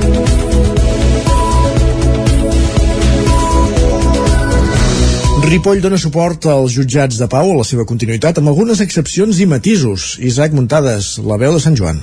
L'Ajuntament de Ripoll va aprovar una moció en defensa dels jutjats de pau amb l'únic vot en contra de la regidora no escrita Sílvia Oriols. Cal recordar que el govern de l'estat espanyol està impulsant una iniciativa legislativa que eliminaria aquesta figura. La regidora de participació, Dolors Vilalta, va argumentar que la seva supressió aniria en perjudici de la ciutadania perquè els òrgans judicials superiors es col·lapsarien, a més d'advertir que les noves oficines municipals de justícia que es volen impulsar no responen a una agilització i proximitat a la ciutadania, sinó a una centralització dels serveis que els allunyaria dels municipis. Vilalta en va recordar la seva importància històrica i funcions principals. A Catalunya els jutjats de pau són una institució molt arrelada, creats l'any 1855, que neix com un servei de millora de les relacions veïnals i de fet són una baula important entre la mateixa ciutadania i diferents serveis de l'administració pública. El fet que dels 947 municipis de Catalunya 898 comptin amb un jutjat de pau ja diu molt de la seva importància, consolidació i eficàcia en els seus diferents diferents àmbits. Mediació en les relacions veïnals, gestió del registre civil, entre d'altres. Urriols, que va ser l'únic en votar-hi en contra, no va posar en dubte que fos una figura històrica, però va especificar que era una persona que no tenia cap carrera ni coneixement judicial que estava col·locada dit pels polítics de l'àmbit municipal. La regidora també va apuntar que en ple segle XXI, sempre que hi ha un sou públic pel mig, cal transparència i professionalitat. La regidora d'Esquerra Republicana de Catalunya i llicenciada en dret, Chantal Pérez, va replicar-li aquests arguments. Els jutges de pau no cobren, no sé si n'està el cas, cobren una petita indemnització que no equival a cap sou, li puc assegurar, ni el mínim durant tot l'any. Afegir-hi que al costat del jutge de pau hi ha la figura de secretari judicial o de lletrat de l'administració de justícia, que és una persona que ha estudiat dret i que en el seu cas pot tenir una, unes oposicions o no, això és, és indistint. Per tant, aquesta persona que és qui valida i refrenda totes les coses que fa el jutge de pau, al final sí que ha estudiat una carrera relacionada amb aquest àmbit. En tot cas, Oriols va dir que per petit i irrellevant que fos aquest cost el pagaven tots els ciutadans. Pérez va valorar la figura del jutge de pau dient que era una persona amb autoritat a la població i de prestigi del poble perquè tothom s'hi sentís còmode. A més, va demanar que se'ls donés més competències en l'àmbit penal per resoldre delictes lleus i va col·locar un afegitó a la moció que demanava que se'ls dotés de major competència mediadora efectiva. També volia que se'ls indemnitzés amb més diners per la feina feta. Per la seva part, la portaveu del PSC, Ana Belén Avilés, veia amb bons ulls la creació d'aquestes oficines municipals de justícia, però veient la trajectòria de la figura dels jutges de pau, demanava que se'ls integrés en aquest nou ens, en tant que són persones referents als pobles. Completant l'inventari del cementiri municipal de Sant Pere de Vilamajor, al Vallès Oriental, disposa de 455 unitats d'enterrament, dels quals 426, 426 perdó, volem dir, són nínxols, 24 columbaris i 5 tombes. Núria Lázaro, Ràdio Televisió Cardedeu. La Diputació de Barcelona ha completat l'inventari del cementiri municipal de Sant Pere de Vilamajor, un treball que ha permès el traspàs de totes les dades dels llibres de registre del cementiri a una base de dades i identificar totes aquelles que no estan al dia. Sant Pere de Vilamajor Major disposa d'un cementiri amb 455 unitats d'enterrament, dels quals 426 són nínxols, 24 columbaris i 5 tombes. En el traspàs de dades al suport informàtic s'ha detectat que en algunes unitats d'enterrament caldria fer qüestions per verificar els titulars de les concessions, atès que són ja difunts o bé altres problemes relacionats amb la data i el termini de les concessions que costen com a vigents. El treball realitzat permet millorar la gestió de de les unitats d'enterrament per part municipal i també pot facilitar la recuperació d'unitats d'enterrament disponibles per als propers anys. Aquest fet permetria no haver d'ampliar el cementiri, ja que s'ha vist que les unitats d'enterrament lliures i sense concessió per a fer front a la mortalitat prevista per als propers 25 anys no són suficients. L'inventari permet una gestió informatitzada de les dades, identificar les unitats d'enterrament disponibles i detectar les anomalies que s'han generat al llarg de la història de la gestió del cementiri. També permet plantejar actuacions de futur per tal de solucionar-les i així millorar la gestió municipal del servei. Més qüestions, anem a Osona amb la presència de la consellera de la presidència Laura Vilagrà. Divendres l'Escola de Bressol Municipal de Can Riba, les Masies de Voltregà, va donar el tret de sortir dels actes del 50è aniversari. La consellera de la presidència Laura Vilagrà i el diputat d'Educació de la Diputació de Barcelona, Josep Monràs, arribaven divendres a l'Escola Bressol Can Riba de les Masies de Voltregà, un centre que aquest any commemora mig segle de vida. La descoberta de la placa commemorativa i la inauguració de l'exposició fotogràfica dels 50 anys marcaven el tret de sortir dels actes de celebració. L'Escola Bressol va obrir portes l'any 1973 gràcies a la família Oliveres de la Riba que va construir el centre pels infants i treballadors de la fàbrica textil. Amb el seu tancament a finals dels anys 90, l'escola va passar a mans de l'AMPA per posteriorment passar a ser administrada per una cooperativa de mestres, ho explica Verònica Ruiz, alcaldessa de les Masies d'Ultra. Van crear una cooperativa que contractava a les mestres. No varen ser temps eh, gens fàcils perquè hi havia molta incertesa, però gràcies a la implicació d'aquestes famílies, d'aquest grup de pares i mares que van decidir agafar el timó de l'escola Bressol i la professionalitat de, que sempre ha caracteritzat l'equip eh, educatiu de l'escola, van anar-ho tirant endavant. No va ser fins l'any 2003 que un acord entre centre i ajuntament va portar a la seva municipalització, un compromís que molts anys ha anat guanyant intensitat, ho remarcava Josep Munras, diputat d'Educació de la Diputació de Barcelona. Del vostre ajuntament i la seva alcaldessa al capdavant, de la seva regidora en apostar fermament per tot allò que significa de l'educació des dels més menuts, des dels més menuts fins als més grans, amb aquest nou projecte que també he tingut l'ocasió de conèixer de, de pintura i de ceràmica, una escola a Bressol que, segons la consellera Vilagrà, a les Masies actua com un element integrador i al mateix temps arrela a les persones del territori. Laura Vilagrà és, és evident que les és la consellera de la presidència. És evident que les escoles Bressol són equipaments que fan poble, que fan cohesió social, que donen equitat no, al municipi i també, evidentment, són importantíssimes des de, la perspectiva, des de la perspectiva pedagògica. I en aquest sentit són, eh, és una escola on formem nens des d'un punt de vista de socialització, d'autoregulació, dels seus pilars emocionals primers, primerencs, i que evidentment formen part dels seus fonaments i per tant és importantíssim. Divendres va arrencar un programa d'actes per celebrar el mig segle de vida que esquitxarà el poble fins al juliol de l'any vinent. Més qüestions, l'empresa bigatana Lausa ha estat guardonada com a millor empresa d'automoció catalana de l'any. El principal clúster nacional reconeix la trajectòria de la companyia en el cinquè míting d'auto. La companyia bigatana de solucions d'il·luminació Alausa Electronics ha estat reconeguda com la millor empresa de l'any pel clúster de la indústria d'automoció de Catalunya en la cinquena edició del míting d'auto que es va celebrar fa uns dies al Mercat de les Flors de Barcelona amb la presència del conseller d'Empresa i Treball, Roger Torrent. El clúster, amb prop de 200 empreses catalanes representades i un nucli constituent format per SEAT, Nissan, Gestam, Ficosa i Doga reconeix d'aquesta manera l'evolució de la companyia usonenca que s'ha convertit en un referent en tot tipus de solucions d'il·luminació per vehicles. En els darrers anys, a l'AUSA ha emprès un pla d'expansió internacional per fer-se un lloc en la indústria de l'automoció europea que ja li està donant fruits. A l'AUSA dedica el 60% de l'activitat a l'automoció, el 40% restant el dedica al sector industrial. Des de l'empresa veuen futur en els dos àmbits, en el de l'automoció, perquè l'electrònica sempre evoluciona i continuarà sent necessària en el vehicle elèctric i en el sector industrial on operen s'hauran de desenvolupar sistemes amb fonts energètiques alternatives al gas. Nascuda a Osona l'any 1988 i amb un creixement exponencial en els darrers anys, a l'AUSA ha estat inclosa en més d'una ocasió entre les 500 pimes amb més projecció de l'estat espanyol. Compta amb una plantilla de prop de 300 treballadors i calcula tancar aquest any 2022 amb una facturació propera als 40 milions d'euros. El setè cicle musical de Sant Feliu de Codines continua aquest cap de setmana amb la segona i tercera sessió on acudinenca Caral Campàs. El cicle musical de Sant Feliu de Codines torna i ho fa després de dues edicions realitzades amb condicionants pandèmics. El 2020 es van realitzar tres concerts al marc del festival, mentre que el 2021 es va poder oferir una programació més completa però amb restriccions d'aforament i altres mesures Covid. Enguany ha tornat el setè cicle musical que es programa cada estiu a Sant Feliu. Esther Paracolls, regidora de Cultura, explicava que l'objectiu és oferir una programació eclèctica i que passi per diferents espais del municipi. Sí, a veure, en, el que intentem amb aquest cicle és arribar a tothom, és a dir, oferir un, di, música diferent, de diferents estils, doncs això, perquè pugui agradar doncs, a, a un públic més ampli. I també intentem, doncs, sempre que aquest festival el que s'ha fet és eh, els concerts fer-los a diferents espais del, del municipi també.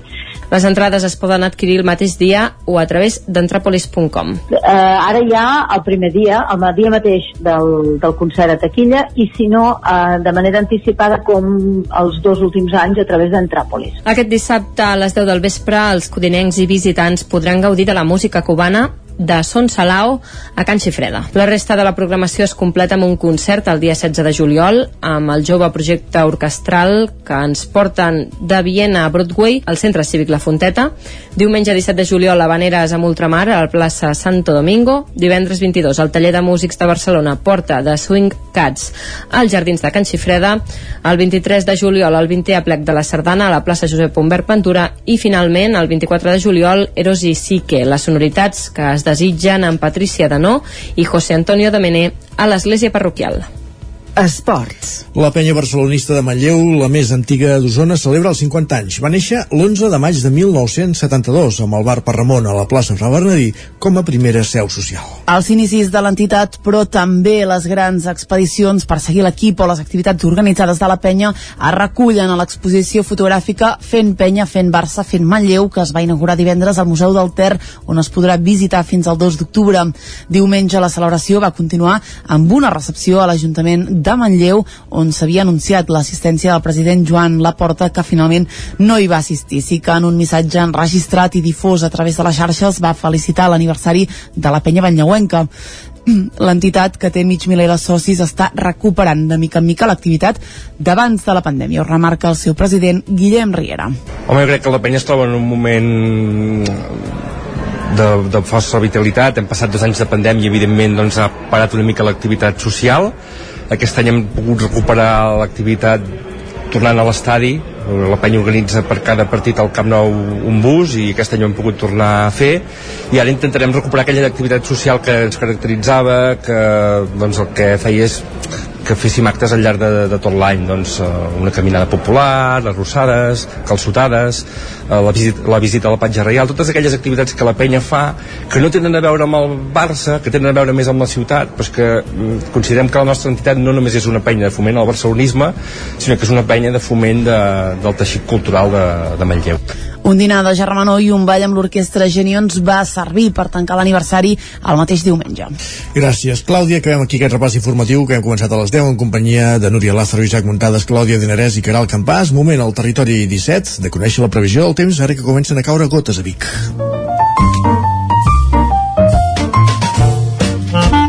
Casa Terradellos us ofereix el temps. I ja sabeu que parlar del temps al territori 17 és saludar en Pep Acosta. Bon dia, Pep. Molt bon dia a tothom. I bona hora. Petit canvi de temps avui. Ja convé. Uh, bueno, petit. Uh, notable, notable canvi de temps avui. Uh, fem, hi ha una, uh, un petit parèntesi en aquest estiu calorós i sec. Avui tindrem aquest petit parèntesi i és que hem d'aprofitar cada gota, cada gota del que avui, uh, cada gota serà or, uh, perquè després d'avui tots els mapes indiquen que ve un període llarg llarg de, de força tranquil·litat de sol i de temperatures bastant altes. De moment per això les comarques entre ahir i aquesta nit ha pogut poc. Uh, la majoria de pluges menys de 5 litres. Les temperatures mínimes han baixat, han baixat respecte a altres dies, es nota que hi ha més núvols i hi ha aire fred en altura, ens passa una mica d'aire fred que és el responsable de que creixin les nuvolades i de que avui pugui ploure. De bon matí. Ja tenim molts més núvols, aquesta nit també han caigut quatre gotes, eh, no es descarten ruixats eh, aquest matí, però en principi aquest matí de poca intensitat. Quan plourà més és de cara a migdia i a la tarda. I les comarques on és més possible que ploguis és Moianès i Osona. Hi ha un avís del Servei Meteorològic de Catalunya, aquestes dues comarques eh, pot ploure més de 20 litres en mitja hora, esperem que així sigui i que pugui ploure bastant.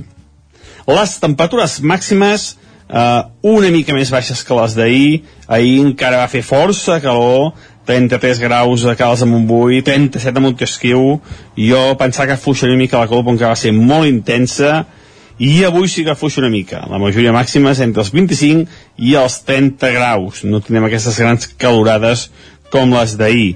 Però això serà només transitori, eh, ja ho he dit abans, eh, només durarà avui. A partir de demà iniciem un període de molta tranquil·litat i de temperatures bastant altes. Uh, molta, molta precaució el foc a partir de demà i perquè serà uh, la tònica d'aquest estiu serà la, la, la uh, continuarà la tònica d'aquest estiu eh, amb, amb molta calor i amb, amb molta sequera a partir de demà. Moltes gràcies, que vagi molt bé el dia i aviam si plou, ojalà plogui de manera abundant a moltes poblacions adeu així ho esperem. Gràcies, Pep, que plogui de forma abundant però sense fer mal, evidentment. Avancem al territori 17, repassada la previsió meteorològica, anem cap a l'entrevista. Casa Tarradellas us ha ofert aquest espai. Un minut que passa d'un quart d'onze.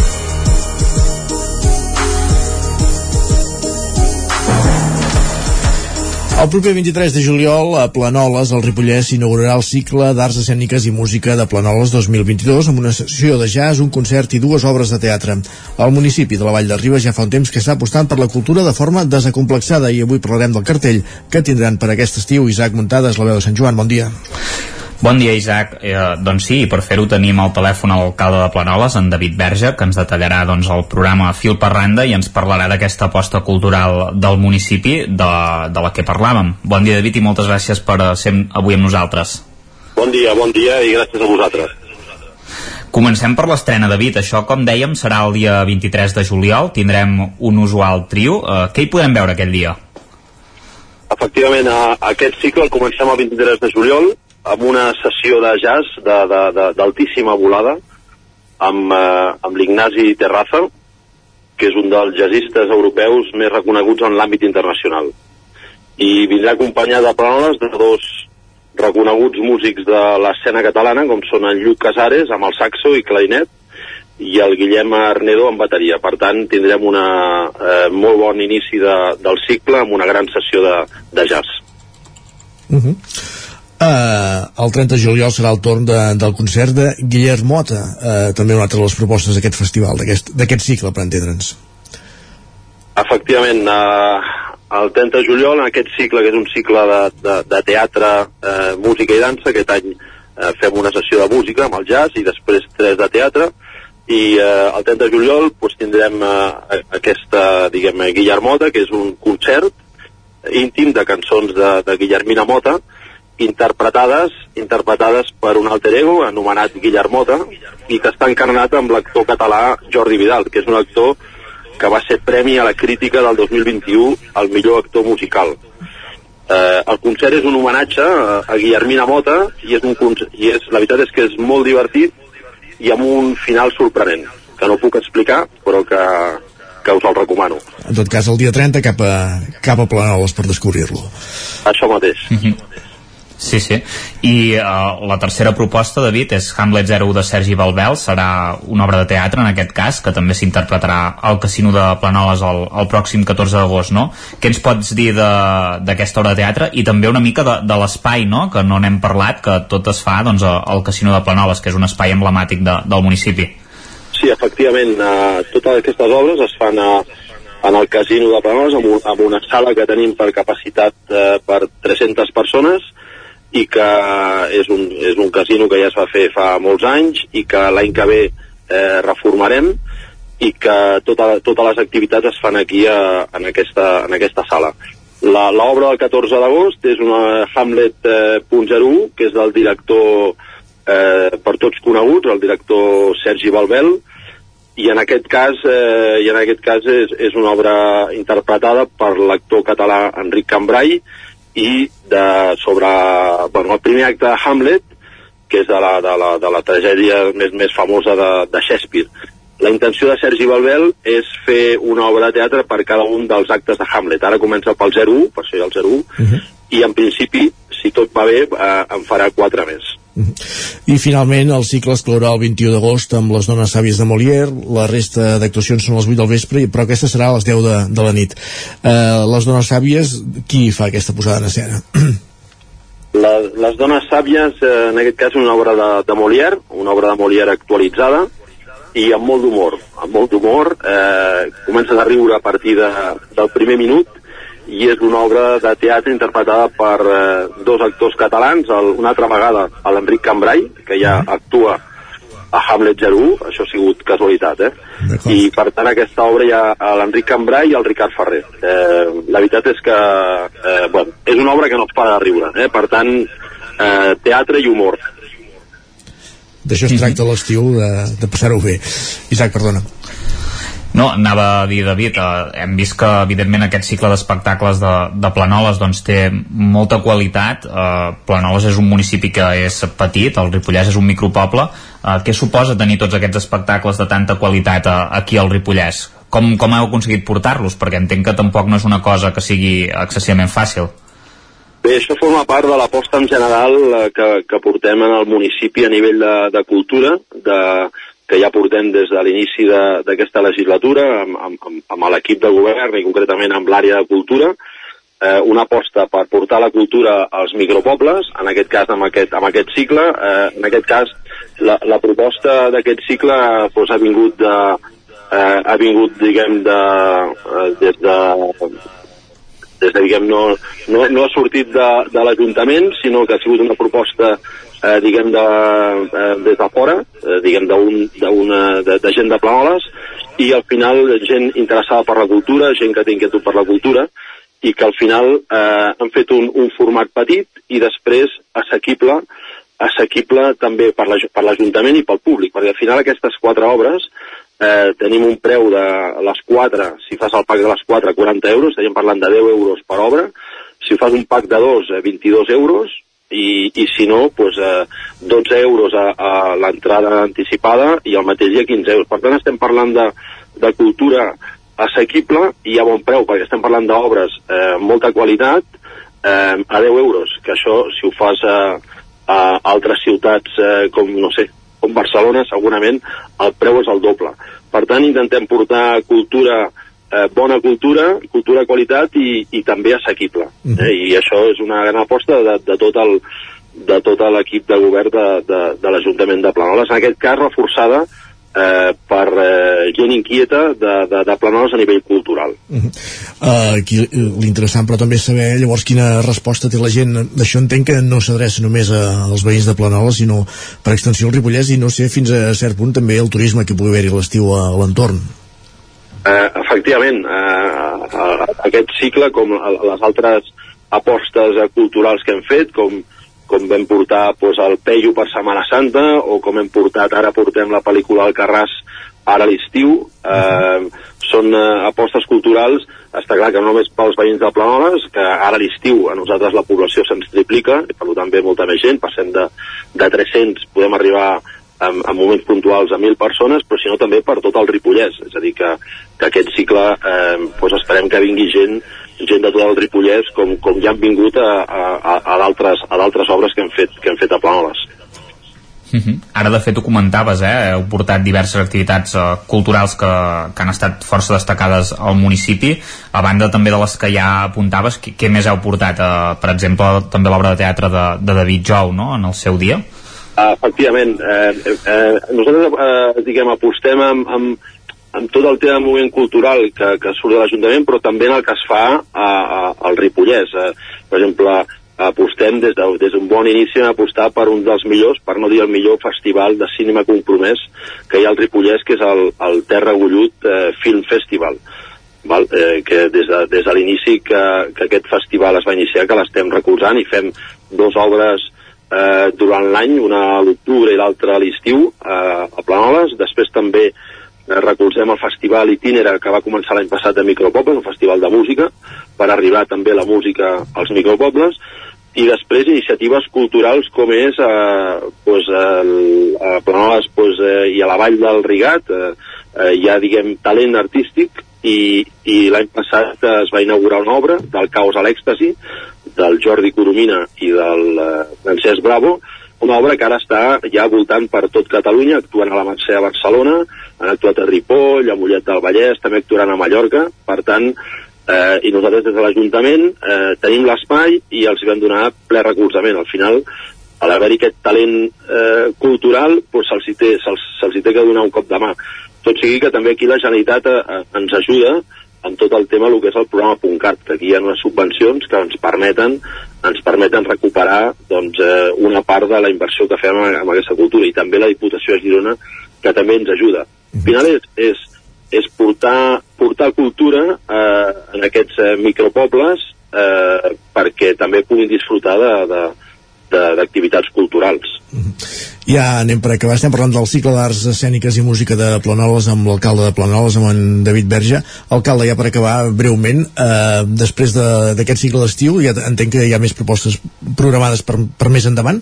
En quines dates? O, o encara, sí, encara és d'hora? Sí, efectivament, el, el, el Jordi Coromina, que és de, de Campelles, el, que és un dels actors de, del Caos a l'Èxtasi, té previst eh, fer una obra d'en Josep Pla a, a la tardor, que uh -huh. si tot va bé inauguraríem al desembre, i després hi ha altres activitats culturals que, que fa anys que es fan a Planoles, com per exemple activitats de, dintre de, de la Diada del Bolet, com poden ser activitats doncs, de conferències de, eh, no, de micòlegs, eh, i per això es fa a l'octubre. Per tant, intentem tenir una cultura eh, atemporal, és a dir, fer-la durant tot l'any, eh, transversal, val? Eh, i després que també pugui arribar d'una manera assequible a tots els públics i amb això és el que des de l'equip de, de govern i l'àrea de cultura és el que intentem eh, fer des de Planoles. David Verge, alcalde de Planoles, moltes gràcies i bon dia i que vagi molt bé el cicle. Moltes gràcies a vosaltres, esteu convidats a venir. Molt bé, aquí vindrem. Gràcies. I acabem aquesta entrevista escoltant de fons una de les propostes que ens deia 10 segons per sentir Guillermota. Gràcies, exactament. Però no us caséssiu pas, noietes, no us caséssiu pas. El nou FM, la ràdio de casa, al 92.8. A Bailen sabem que quan té una avaria a la seva caldera vol una solució ràpida. Truqui al servei tècnic oficial Bailen i els nostres tècnics vindran ràpidament a solucionar-li el problema. A més, si canvieu ara la caldera, us regalem fins a 300 euros. Truqueu al 910 77 88 77 o entreu a bailen.es. Si tens pensat canviar la caldera o posar aire condicionat, posa't en mans de Pradell. Tenen les millors ofertes. Pradell instal·la calderes de biomassa, calderes de condensació, aire condicionat tant per a particulars com per a empreses. Apunta, Pradell, Avinguda Països Catalans, número 27 de Vic. Telèfon 93 885 11 97. Repetim, 93 885 11 97. Cobertes serveis funeraris. Els nostres tanatoris estan ubicats en els nuclis urbans més poblats de la comarca d'Osona per oferir un millor servei. Tanatori de Vic, Tanatori de Manlleu, Tanatori de Centelles i Tanatori de Roda de Ter. Sabem que són moments difícils i per això el nostre compromís és atendre-us en tot moment amb un tracte humà, sensible i respectuós. Cobertes serveis funeraris. Telèfon 24 hores 93 883 23 46. Si aquest estiu vas a Platja d'Aro, aquí tens unes recomanacions. Restaurant Feliu, un dels més antics i emblemàtics de Platja d'Aro. Especialitat en paelles, peix fresc i carn a la brasa. Rostisseria i plats per emportar. Avinguda Reina Fabiola 1 i 2, telèfon 972 81 77 38. Restaurant La Tasqueta del Mar, nova obertura, per gaudir d'una nova carta amb peix, marisc i carn, a primera línia de mar. Passeig marítim 162, no t'ho pots perdre. Telèfon 675 72 00 80. Restaurant Sacova. Vine a descobrir l'encant de la Costa Brava i el millor de la seva gastronomia. Obert cada dia. Ens trobareu a l'Avinguda 11 de setembre 70. Reserves al 972 82 57 70. Restaurant Lounge Envy.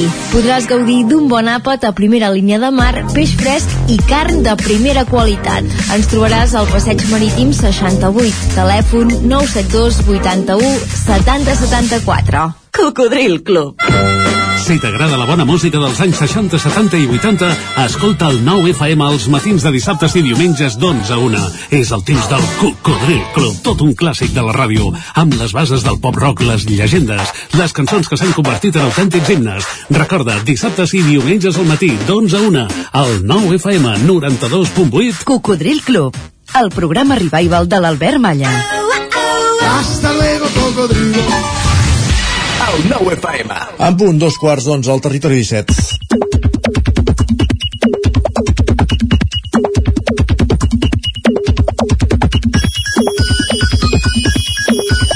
Dos quarts d'onze, ja sabeu, el codó del programa sinònim de capbussar-nos a Twitter i avui eh, qui ho ha fet és la Clàudia Dinerès i ara ens explica quines piolades hi ha trucat. Més destacades, Clàudia, benvinguda de nou. Molt bon dia de nou, doncs sí, comencem amb les piolades d'avui dimecres i ho fem uh, repassant una mica què es diu a la xarxa sobre la festa major de Vic, que ahir era el dia de Sant Miquel, el dia del patró, uh, i a banda dels balls aquí fora a la plaça de la catedral al matí, a la plaça Major al vespre hi va haver festa grossa. Hi va anar en Jordi Vilarrodà, periodista del 9-9, que va dir uh, clàssic entre clàssics de Festa Major, el concert de la Meravella a la plaça. Hashtag Festa Major de Vic 2022. Però, alerta, perquè també hi va ser la cuinera Maria Nicolau. Carai. Sí, que va dir, he aparcat un minut després de l'hora de la fi de pagament de la zona blava, he arribat a plaça al concert de la Gran Orquestra Meravella, he puntejat la Maria de les Trenes i he fet un gelat d'avellana de la Xixo de Vic. On és la meva creu de Sant Jordi? Sí, realment, no sé si la creu de Sant Jordi, però la galeria de Vic tan il·lustre potser És ja comença a fer punts, eh? Exacte però alerta Isaac perquè en Jordi Garra li diu a Malbarcocs, que és el nom de la Maria Nicolau a Twitter, avui és festiu a Vic, no es pagava la zona blava. Ben mini vist. punt negatiu per la creu de Sant Jordi. En fi, i ella recontesta i diu Pobre de mi, si és que no sé ni en quin dia visc. Jo me'n sé d'una d'una que va anar a Mercat ahir a Vic i es va trobar sense parades, bàsicament. Bé, no? En fi, uh, sense marxar de la festa major de Vic, la Laura Vilà ha fet una reflexió i alhora una espècie, una espècie de petició. Diu, per què totes les festes de les pel·lis hi ha ponche? Puc demanar que n'hi hagi a les barraques? Doncs bé, aquí ho deixem, Isaac, i si algú de la festa major jove ens està escoltant per casualitat, doncs que ho valori perquè encara hi som a temps. Això és molt americà, no? Per això, això del Sí, ponche. sí, sí que ho és, sí. Però és una petició que fa una Molt bé, bigatana, per tant, s'ha de tenir en compte. Molt bé. Perquè recordem que encara hi ha temps, les barraques són aquest cap de setmana, per tant, escolta, mai és tard per fer una mica de ponche. Uh, I ara sí que deixem enrere la festa major de Vic, canviem radicalment de tema i uh, ens centrem en una reflexió que ha fet en Pau Cosí, que diu quan arribes als 25 anys la vida és com el Mario Kart però en lloc de closques de tortuga et persegueixen converses angoixants sobre perspectives laborals. Carai. i alerta perquè per posar-hi una mica de cullerada l'Aleix Salvans el contesta i li diu nota, dos punts. El 21 de gener de l'any vinent el Mario Kart farà 30 anys. Volem dir, no em fem un gra massa no em fem un gra massa que tens 25 anys. Um, i uh, ho relaciono, tot i que canviem una mica de tema, qui amb 30 anys ha descobert com realment es diu una expressió catalana és la Xènia Santigosa, m'ha fet molta gràcia, ell és periodista de planta baixa, i diu, alerta, acabo de descobrir que tota la vida he dit la flor innata, quan l'expressió correcta és la flor innata. Ah, molt bé. 30 anys, diu, 30 anys dient-ho malament i torna a repetir, flor innata, encara al·lucino. N'hi ha moltes d'aquestes, eh? És molt bona. Eh, Hi ha, n'hi ha moltes d'aquestes, i ara no ens, ens, ens sabria dir algunes, però... Jo te'n diré algunes, eh? Jo mateix me n'he donat de, de coses que deies, mare de Déu. Sí, sí. Començant per l'endemà, que Exacte. durant anys vaig dir l'any demà, però, però com aquesta, tantes d'altres, eh? Jo te n'he recollit perquè la Xènia, ha, sense voler-ho, ha fet com una mena de fil, ella uh, ha sigut honesta, ha dit que, que ho deia malament, i, i la gent ha anat, ha anat dient la seva. Uh, per treure-li ferro una mica a la Xènia, en David Ávila ha dit jo fins no fa pas gaire deia no le pidas peras a l'horno. A l'horno. A l'horno. I l'Anna May ha dit una cosa que des del meu punt de vista encara és més delirant que diu, em va passar amb l'expressió va que xuta diu, sempre havia dit vaca aixuta Va, que això... en fi, coses, coses que passen a Twitter Això m'ha fet pensar en la Núria Grey amb el dia que va descobrir com es deia l'Anso Fati, perquè per ella, per ella, per ella fins aleshores era en Sofati. doncs mira, podria ser en aquest fil perfectament Molt bé. Uh, ho tenim tot, Clàudia? Ho tenim tot, demà Gràcies. més. Bé. bon dia. I el que fem tot seguit, després de repassar les piolades, és fer un cop d'ull a les portades del 99.cat, a Osona i el Ripollès, Canigó 1883 continua el rodatge a la casa, Verdaguer i a Tagamanent, Lleó Petit, Festa Gran, la crònica del seguici de la Festa Major de Vic i del seguici infantil, Salut posa en marxa un sistema pels malalts de Covid per demanar la baixa laboral automàtica en línia i mor una persona en un incendi en una casa de Sant Miquel de Balanyà. Ens anem fent ressò les notícies de les 9.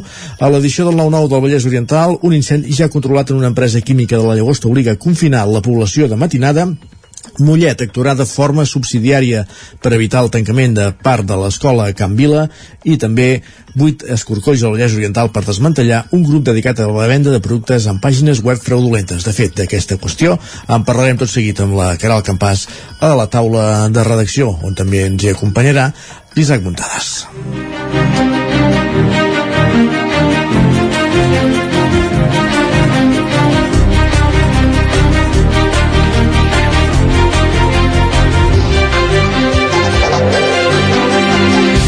Doncs com dèiem, avui taula de redacció en companyia de la Caral Campàs i de l'Isaac Muntades. Caral, bon dia. Hola, bon dia. Per aprofundir en aquesta xarxa desmantellada eh, al Vallès, diguéssim, que, que oferia Sí. web, pàgines web fraudulentes. Eh, Explica'ns-ho com anava tot plegat. Sí, uh, mireu, uh, agents de, dels Mossos i conjuntament amb un operatiu que han fet amb, amb la Guàrdia Civil han desmantellat, com deies, a- un grup criminal que es dedicava a la venda de productes a través de, de pàgines web fraudulentes i, i bé, gràcies a aquest operatiu han pogut detenir um, els, els set integrants d'aquesta doncs, d'aquesta aquesta organització. Um, bé, també val a dir, i us explicaré una mica com ha anat, com ha anat tot plegat, perquè, perquè se sàpiga, uh, les investigacions que es feien sobre aquest tipus de, de grups criminals estaven encaminades doncs, a, la, a la seva desarticulació, òbviament, i a l'atenció de, dels seus membres, i el que es feia era sol·licitar el tancament d'aquests llocs webs fraudulents a través d'una autorització judicial. I en aquest cas el que s'ha fet eh, és eh, intervenir immediatament eh, al moment de fer doncs, l'operació amb les webs fraudulentes accedint directament des dels propis ordinadors de, dels investigats. D'aquesta manera eh, el que s'ha aconseguit és que algun eventual comprador que hi volgués accedir automàticament un cop ja desarticulada doncs, eh, la banda eh, no, no caigués en la trampa no? i apareixia una finestra emergent amb els logotips de, de Mossos i de la Guàrdia Civil on sortia doncs, una alerta que posava sobre avís al consumidor respecte a aquest fet, eh, que es tractava d'una web eh, fictícia eh, gràcies a doncs, aquest canvi a l'hora d'operar eh, els Mossos i la Guàrdia Civil estimen que s'han evitat unes mil víctimes eh, més. Eh, tot plegat va succeir el dilluns 27 de, de juny, es va dur a terme un dispositiu amb 8 entrades i escorcolls, eh, 6 van ser en domicilis i dues en locals i com bé comentaves doncs, a municipis del Vallès Oriental per la part que ens toca seria doncs, Vigues i Riells del Fai i també la Roca del Vallès, Lliçà d'Amunt i Granollers. Um, us, us comento també com, com anaven una mica aquestes pàgines web perquè us sí, feu a la, a la idea. Uh -huh. mm. uh, mira, eren webs que contenien ofertes uh, molt atractives, és a dir, a molt baix preu de, de productes que principalment eren d'electrònica o electrodomèstics com televisors, rentadores uh, o videoconsoles i també altres tipus uh, de productes com uh, sofàs o, o piscines fins i tot.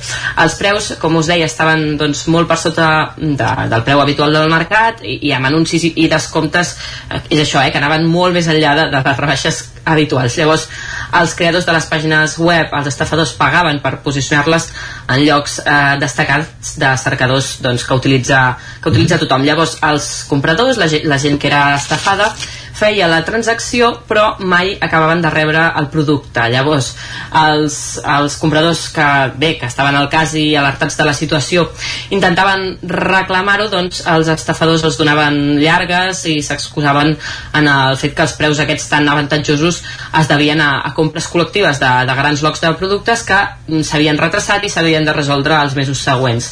Llavors en el supòsit que el comprador mostrés la, la seva voluntat d'obtenir la compra no, amb, amb celeritat els deien que aleshores ja no podia ser aquell preu sinó que havia de ser un altre eh, menys eh, suculent.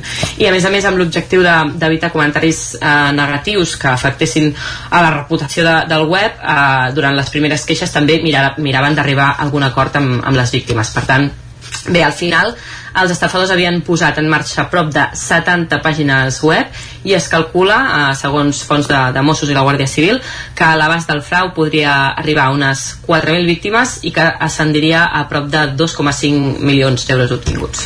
déu nhi és avantatjós fer compres virtuals, però a vegades s'ha d'anar amb compte, s'ha d'anar s'ha de veure clar quin és l'origen de, del comprador per, per no caure en, en trampes com aquesta. En aquest cas una xarxa ja de, desmantellada. Gràcies, Caral. Mm -hmm. Merci, vosaltres. Fins ara. Fins ara. Continuem en aquesta taula de redacció i ara en companyia, com dèiem, de l'Isaac Muntades, amb últimes hores des del Ripollès, Isaac. Hola, doncs sí, eh, hi ha el tema aquest de, que, que, que n'havíem parlat diverses vegades doncs, en els informatius, el tema de l'Albert de la ruta del ferro de, de Sant Joan de les Abadeses, Correcte. que, final, que finalment doncs, ha, ha pogut reobrir, n'havíem parlat molt de temps que havia estat tancat, des d'aquest dilluns doncs, ja ja torna a funcionar a ple rendiment. Pràcticament ha passat eh, dos anys eh, doncs, que no, no va obrir les seves portes sobretot bàsicament arran de, de la Covid-19 que evidentment doncs, va, va haver de tancar. I, i recordem que també s'ha allargat una mica tot el tema de la reobertura eh, perquè la gestió va passar d'assumir-la doncs, l'Ajuntament la, eh, a assumir-la Xenescat, no? una gestió pública de, de la xarxa pública d'albergs de, la, de la Generalitat de Catalunya que també ha hagut d'obtenir doncs, eh, una sèrie d'informes necessaris que, que provenien doncs, d'aquests doncs, diversos departaments de, de la Generalitat per, per, poder, per poder obrir i que la burocràcia en aquest cas s'ha encallat força i no s'ha pogut uh, reobrir fin, fins ara, que ja hi havia hagut moltes queixes doncs, del grup d'Esquerra Republicana demanant per què no s'obria i responsabilitzant doncs, a, les dues parts, però finalment s'ha obert. També us he de dir que la idea és que com que ara l'ha assumit la Generalitat en, en un determinat moment es faran una sèrie de, de, de rentat de cara diguéssim de, de l'Albert i això es preveu que pugui ser doncs, a, a mitjans de setembre. Això vol dir que l'Albert tornaria a tancar provisionalment però només en aquest cas serien 15 dies per uh, pintar-lo i canviar el mobiliari bàsicament. Uh, i més endavant potser això ja és, uh, és un projecte que ja és més a llarg termini que no seria dins d'aquests 15 dies de tancament es farien també uns lavabos públics.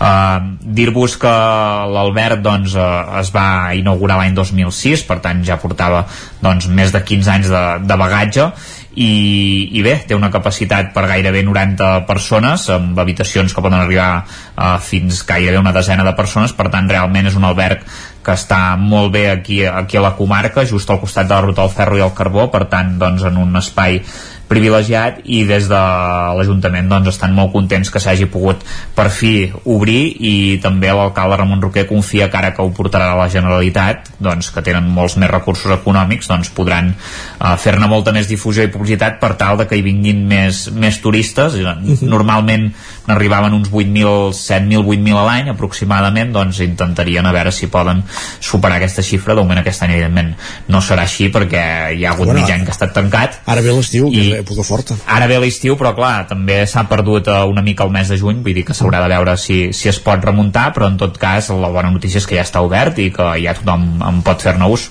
Pregunta d'ignorant, el, el paquet inclou també el servei de bar i restaurant o aquest va part? Uh, aquest en teoria va a part i està actiu, jo. diguéssim, eh? Sí, sí, sí, sí, i està actiu. Però en principi sí, va a part. Molt bé. Doncs Isaac Montades, moltíssimes gràcies per portar-nos també aquesta informació a l'antena de la reobertura de l'alberg de, de l'estació, de l'antiga estació de, de, de Sant Joan de les Abadeses i el, que és l'alberg de, de la Ruta del Ferro. Bon dia, fins ara. Bon dia, fins ara Avancem al territori 17, serà moment després de la taula de redacció d'anar al lletra ferits, ja us ho hem avançat i avui parlarem del cas Helena Jovany, perquè tot seguit aquí saludem l'antena del territori 17 és a Iago García Zamora que és l'autor del llibre Qui va matar l'Helena Jovany Iago García era un jove estudiant de periodisme. Quan va tenir coneixement del cas Jovany i va començar a indagar de qui en va sortir el seu treball de final de grau va ser un dels testimonis clau en el, en el programa Crims de, de TV3 que, que va fer aflorar de nou el cas 20 anys després dels fets i ara aquest any ha publicat un, un llibre eh, qui va matar l'Helena Jovany on recull doncs, tot el que ha anat recollint, valgui la redundància durant tots aquests anys. Parlem amb ell tot seguit aquí al Territori 17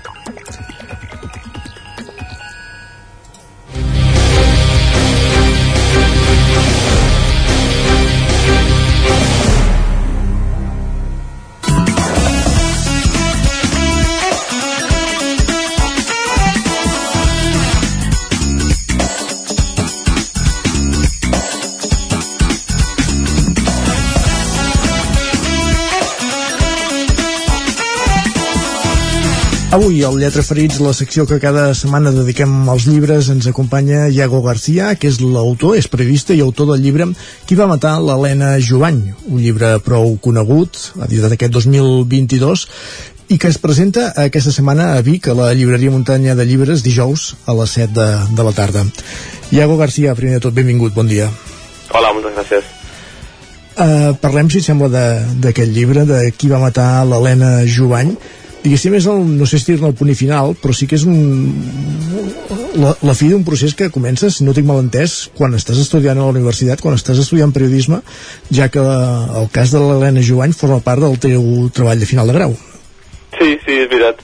De, de fet és, un, és una història que nosaltres arribem totalment de casualitat perquè l'Anna Prats, que és, que és qui va començar el treball amb mi i, i jo quan estàvem buscant tema per, pel treball de fi de grau no estàvem ni, ni interessats especialment en, en el True Crime i de fet no coneixíem la història, no havíem sentit parlar mai de l'Helena, uh mhm. -huh. tot i que ell havia estudiat periodisme a l'autònoma uns anys abans, i això és el que ens va sorprendre quan vam llegir sobre el cas, que, que de fet arribem a, a un reportatge de Público que només menciona el cas de passada, i ens sorprèn això llegir, que és un cas d'assassinat que portava en aquell moment 15 anys sense resoldre, amb el que semblaven sospitosos força clars, amb una dona que es va suïcidar a la presó, i ens sobta no haver sentit no haver sentit parlar mai de, de l'Helena Jovany i és això el que ens crida l'atenció, no? perquè ens, ens trobem el cas de l'Helena en un article on, on hi havia nou altres casos sense resoldre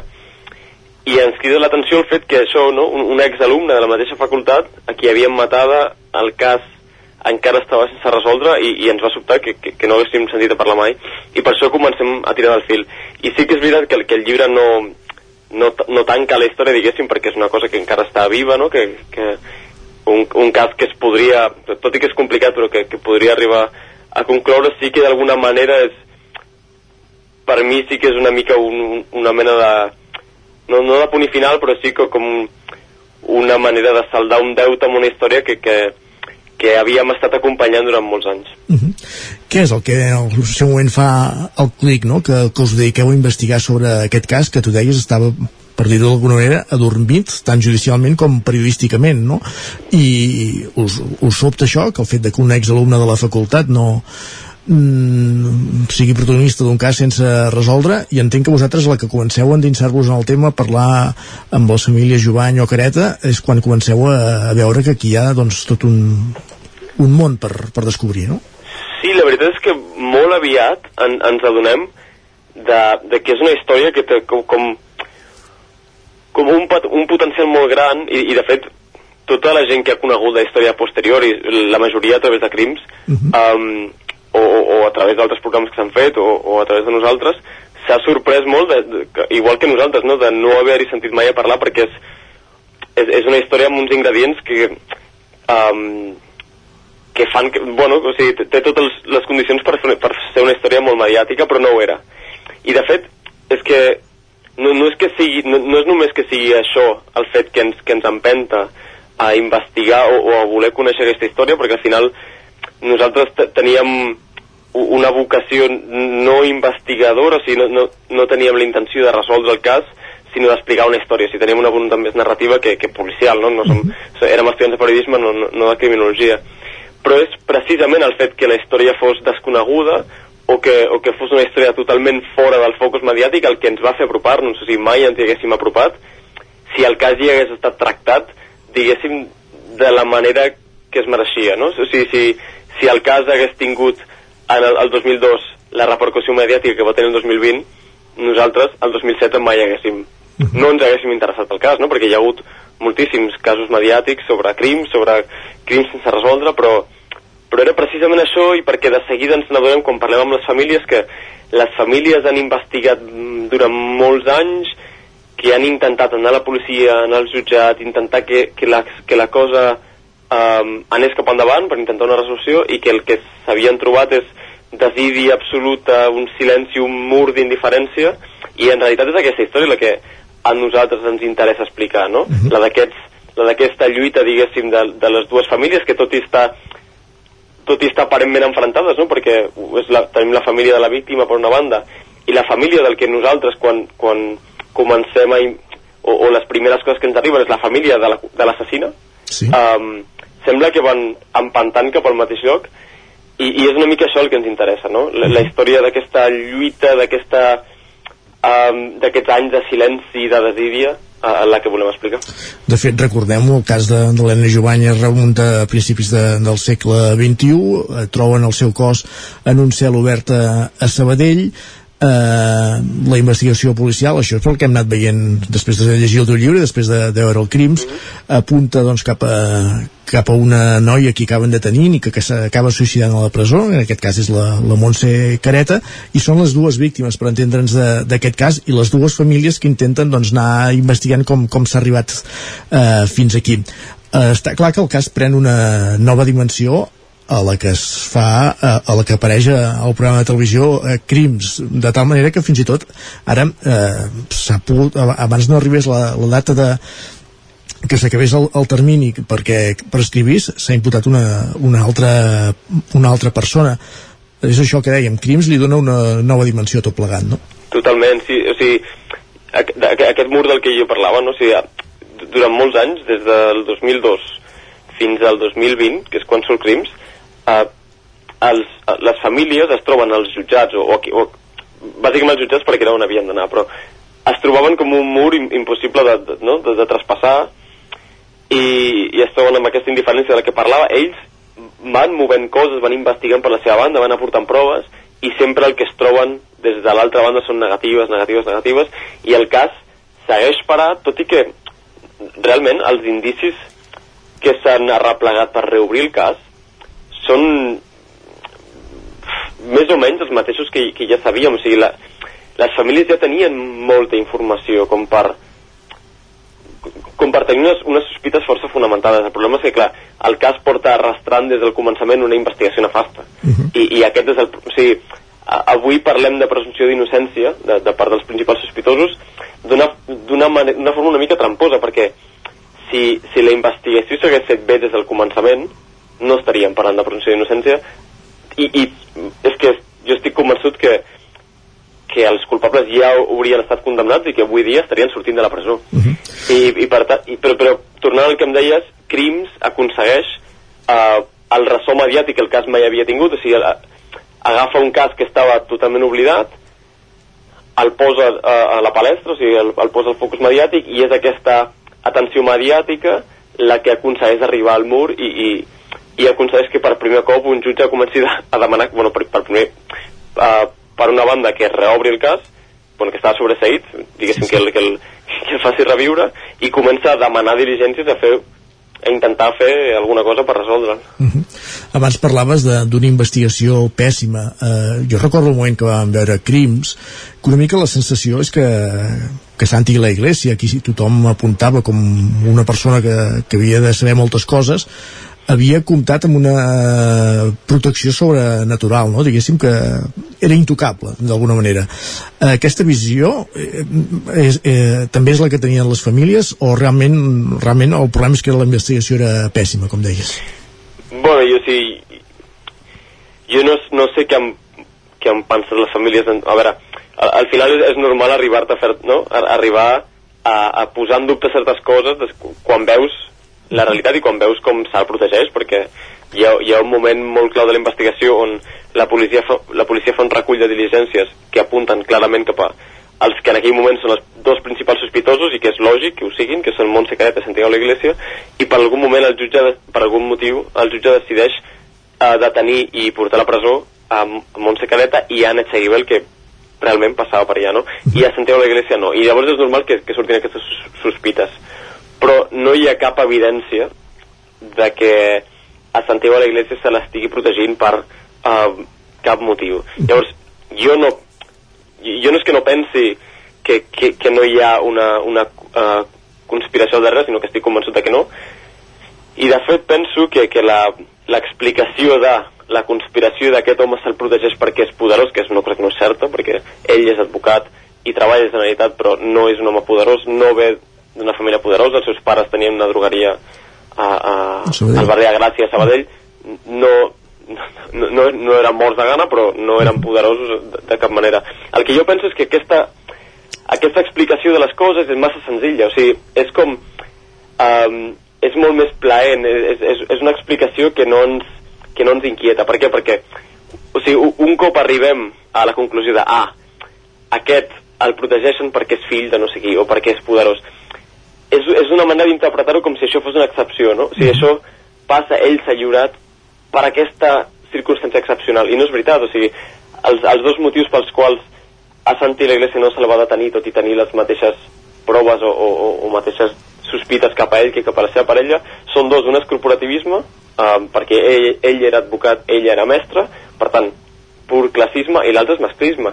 Llavors, aquestes dues explicacions menys plaents que la de la conspiració són més tèrboles. I, i, i de fet el que t'indica és que això no només tornarà a passar, sinó que continua passant, no? O sigui, la trobo una explicació molt, molt més lògica, sí, sí. però al mateix temps més incòmoda, i, per, perquè ens fa mirar-nos cap a nosaltres mateixos i, i, i és això el que té, més tèrbola. I més difícil de pair probablement. Mm -hmm. anem acabant. El llibre el que sí que reprodueix és un informe que en el seu moment rep Montse Care, eh, Ima Careta, la germana de Montse Careta d'una persona que coneix que ella tampoc acaba d'identificar que a partir de tots els indicis del sumari fa una reconstrucció del cas que d'entrada pot semblar bastant versemblant, no?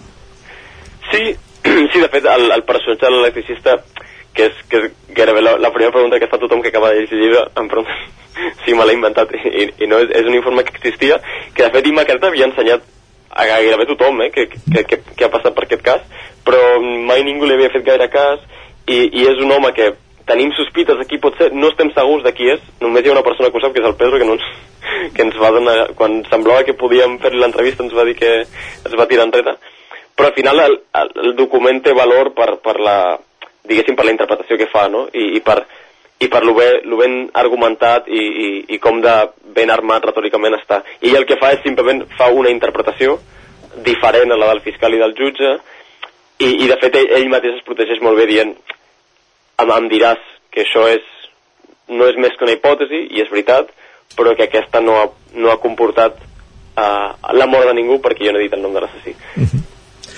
Uh, abans ens ho deies, per tu publicar aquest llibre és també posar una mica punt i final a, a tota aquesta història per part teva, no, diguéssim, però sí que és que uh, està clar que ara el, el cas uh, s'ha reobert, si més no mm. s'estan analitzant de nou les proves i, i tot plegat. Cap on creus que pots, ara això ja una opinió personal per acabar, eh, però cap on creus que pots evolucionar mateix aquest cas? A veure, aquest és un cas que, com deia abans, o sigui, la investigació i, i la instrucció judicial sobretot, eh, perquè el, si algú té la culpa de que això no hagi anat bé, més que la policia la té, la té el jutge segurament. Uh -huh. um, I clar, és, mo és molt difícil resoldre un cas com aquest, quan, o sigui, en el qual les, pro les proves físiques no es, no es van anar a buscar. Llavors, clar, hi, hi ha molt poques possibilitats de, de resoldre un cas d'aquesta manera. Però, igualment, ara, per exemple, el, el, el jutge ha demanat que, que s'analitzi la, la roba de l'Helena, que encara es guarda, uh, per buscar ADN de terceres persones. Clar, si, si d'això que probablement tindrem notícies al setembre, o sigui, fins, fins passat estiu no, no sabrem res. Però si en la roba trobessin ADN de Xavi Jiménez o de Santiago la Iglesia o d'una tercera persona, això seria una prova concloent. Però clar, no sabem fins a quin punt um, no sabem si trobaran ADN de terceres persones, uh, no sabem si si, si el podran comparar, però bueno, és, és, és diguéssim una via d'esperança, no? Mm. O sigui, és, és possible, si, no, no és res descabellat. Si, si analitzen la roba i troben ADN de terceres persones, el que faran de seguida és comparar-ho amb els sospitosos. I llavors aquí s'obre una, una possibilitat de, de tancament per, per, per les famílies, que de fet el que, el que diu sempre la família Jovany és que elles el que volen és, és tancar el dol. Aquí hi ha una porta, o sigui, una possibilitat de que realment passi. Ara, clar, tam també hi ha una possibilitat molt, eh, diguéssim, probable, que, que no trobin ADN o que, o que, o que no el puguin comparar, o no sé. Uh -huh. I, I clar, llavors el cas estaria... Bueno, doncs s'hauria de buscar un, una altra via perquè segueixi cap endavant. Uh -huh. Però com a mínim està aquesta, aquesta porta oberta a, a una possible resolució i que, i que la família per fi tingui el tancament que desitja. Està clar.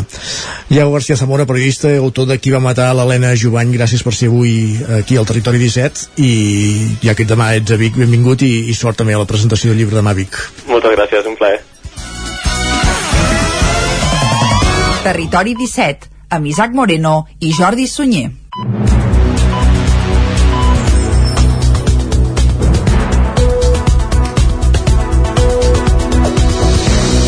Hem clavat les 11 al territori 17, moment de posar-nos al dia, moment d'actualitzar-nos. A Osona, la setena onada de la pandèmia de Covid-19 està tenint un impacte similar al de tot el país. Els casos han augmentat entre un 25 i un 30% respecte a fa un mes i el control se centra sobretot en els col·lectius més vulnerables. Als hospitals de la comarca, ahir hi havia 45 persones ingressades amb Covid-19, Clàudia Dinarès. Set residències d'Osona tenen brots de Covid-19 en aquests moments amb un total de 34 persones positives, una de les quals ha hagut de ser ingressada. El residencial és un dels àmbits que les autoritats sanitàries estan controlant més en la setena onada de la pandèmia en què la monitorització se centra en els col·lectius vulnerables i no en tota la població com s'havia fet anteriorment a l'Hospital Universitari de Vic. I a 31 pacients amb Covid a l'Hospital Universitari de la Santa Creu n'hi ha 10 i a l'Hospital Sant Jaume de Manlleu 4 en general són persones que ingressen per altres patologies de base ho explica Imma Sarbós, gerent de la regió sanitària Catalunya Catalunya Central. El problema que ens preocupa és la seva patologia de base, de base persones molt vulnerables que també tenen Covid, però no estan ingressats per Covid, que la, és la diferència en relació a altres onades. i per això estem dient que la pressió al sistema sanitari no és tan alta com en passades onades. L'increment de casos de Covid-19 a Osona respecte a fa un mes es calcula que ha estat d'entre el 25 i el 30% per l'elevada contagiositat de les noves variants que s'estan imposant, la BA4 i la BA5. L'augment de les infeccions també afecta el personal dels centres sanitaris en una època, l'estiu, en què ja hi ha menys efectius per les vacances. De moment, a la comarca es pot mantenir l'atenció als usuaris i Massarbós. A la resta de la Catalunya central sí que s'ha tingut que desprogramar activitat quirúrgica, a Vic no ens consta i no hem tingut que desprogramar tampoc visites.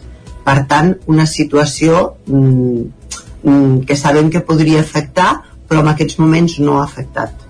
Des de la regió sanitària Catalunya Central descarta noves restriccions. Es demana prudència, sobretot en situacions d'aglomeracions on persones que puguin ser especialment vulnerables i també tenir la pauta de vacunació completa i Massarbós.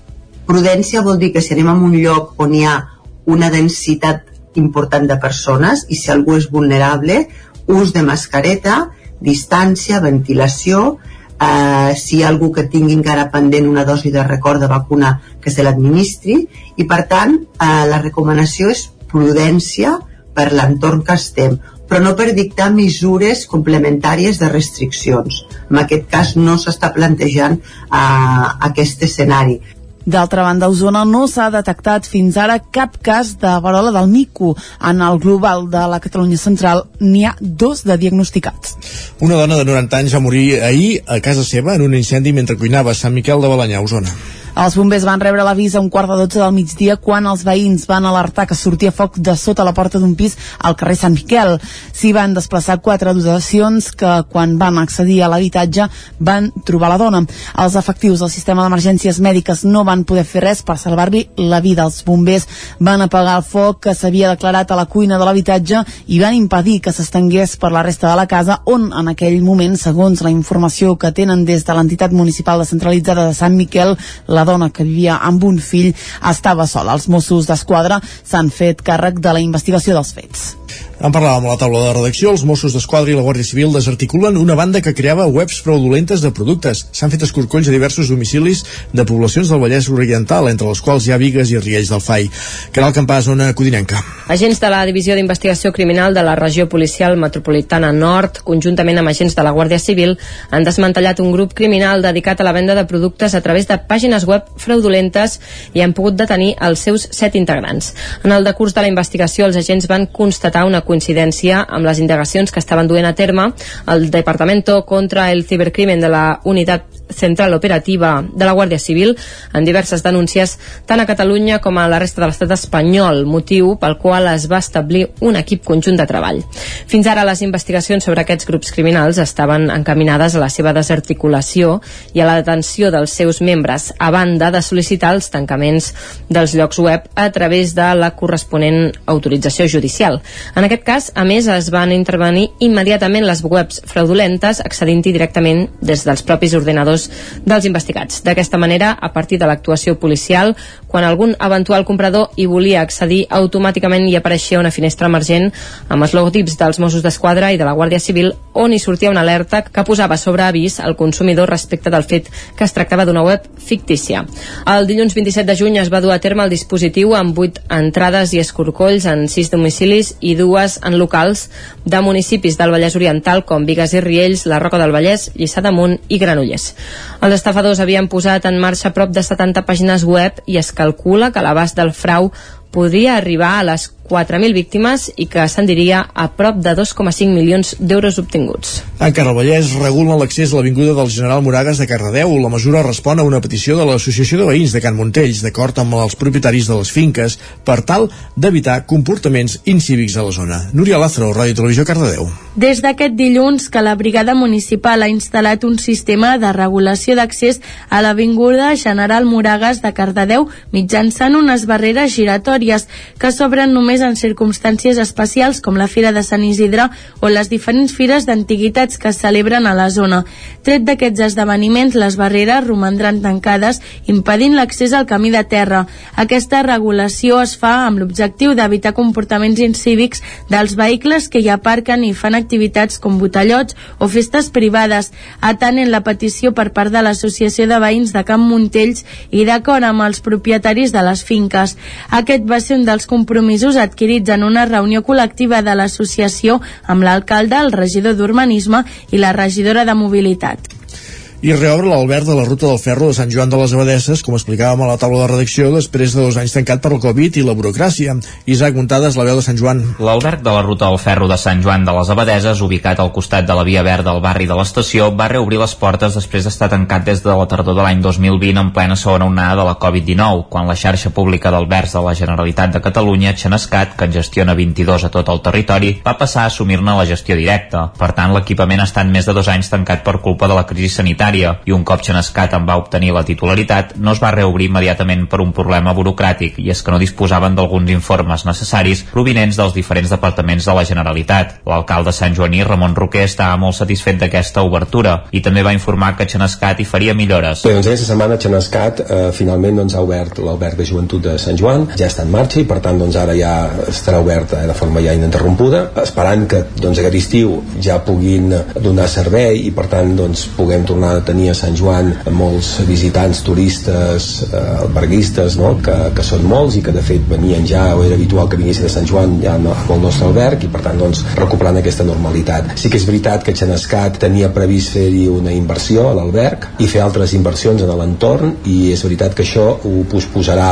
fins a la tardor, eh, també perquè ara el més important tant per l'Ajuntament com per ells era posar l'alberg en marxa i en tot cas ja passat l'estiu doncs, actuaríem i faríem aquestes millores. La idea és que l'Alberg torni a tancar durant 15 dies a mitjans de setembre per pintar-lo i canviar tot el mobiliari. Més endavant també es preveu que es facin uns lavabos públics. L'Alberg estarà dirigit per Joan Vilaplana, una persona amb molta experiència en aquest sector, ja que des de l'any 2005 ha tingut a càrrec seu l'Alberg de Núria al terme municipal de Caralps, el qual també és gestionat per Genescat. L'Alberg de la Ruta del Ferro es va inaugurar l'any 2006 aprofitant l'antic magatzem de l'estació de tren que va quedar abandonat l'any 1980, quan la línia entre Sant Joan i Ripoll es va tancar. L'Alberg té una capacitat de 86 places distribuïdes en habitacions de 4, 5 i 9 persones, totes amb bany i calefacció. A més, disposa de sales d'estar comunes on compartir estones de descans o esbarjo per als més petits. La seva ubicació és privilegiada, ja que es troba al costat de la ruta del ferro i el carbó, un espai ideal per caminar i esvergir-se. L'equipament rep entre 7.000 i 8.000 persones cada any, per tant és clau que hagi pogut obrir portes just a l'inici de la campanya estiuenca i al començament de les vacances per moltes persones. Així doncs, ara se'n podran beneficiar els casals d'estiu,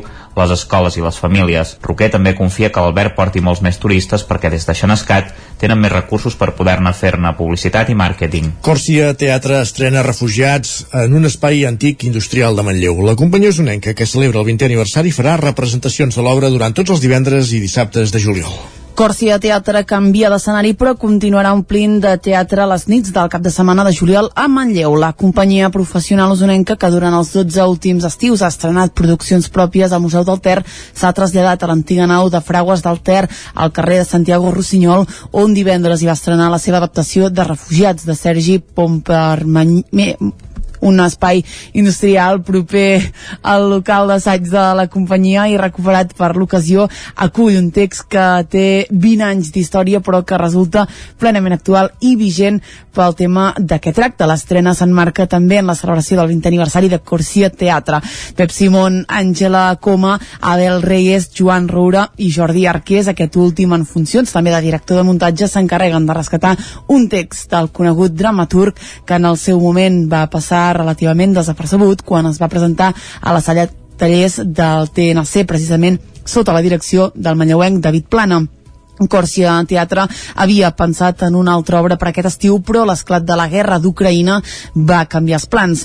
Refugiats amb títol prou explícit parla de la guerra sense crear una història de bons i dolents, però també dels mitjans que la converteixen en espectacle. Al text hi ha elements que el situen en la frontera de la comèdia, tot i el dramatisme del tema de fons. Només 55 persones podran veure cadascuna de les representacions divendres i dissabte a dos quarts de deu de la nit Madrid aquest cap de setmana ja s'hi ha estrenat, doncs més de 100 espectadors i l'obra es podrà veure encara al mateix espai durant tot el mes de juliol. I la Festa Major de Vic va viure ahir els actes més solemnes del programa, coincidint amb la Diada de Sant Miquel, o quan es va fer el seguici amb gegants, bestiari i autoritats. Un seguici que aquest any han observat de prop tècnics del Departament de Cultura de la Generalitat, que ara hauran de valorar si li atorguen o no la credencial de festa tradicional d'interès nacional. La lectura del poema de l'Espígol a la sala de plens de l'Ajuntament de Vic cobria ahir al matí l'acte més solemne de la Festa Major de Vic, el seguici de Sant Miquel. Un text de Robert Jové que va llegir la regidora de Cultura Bet Piella i va marcar el tret de sortida de la comitiva.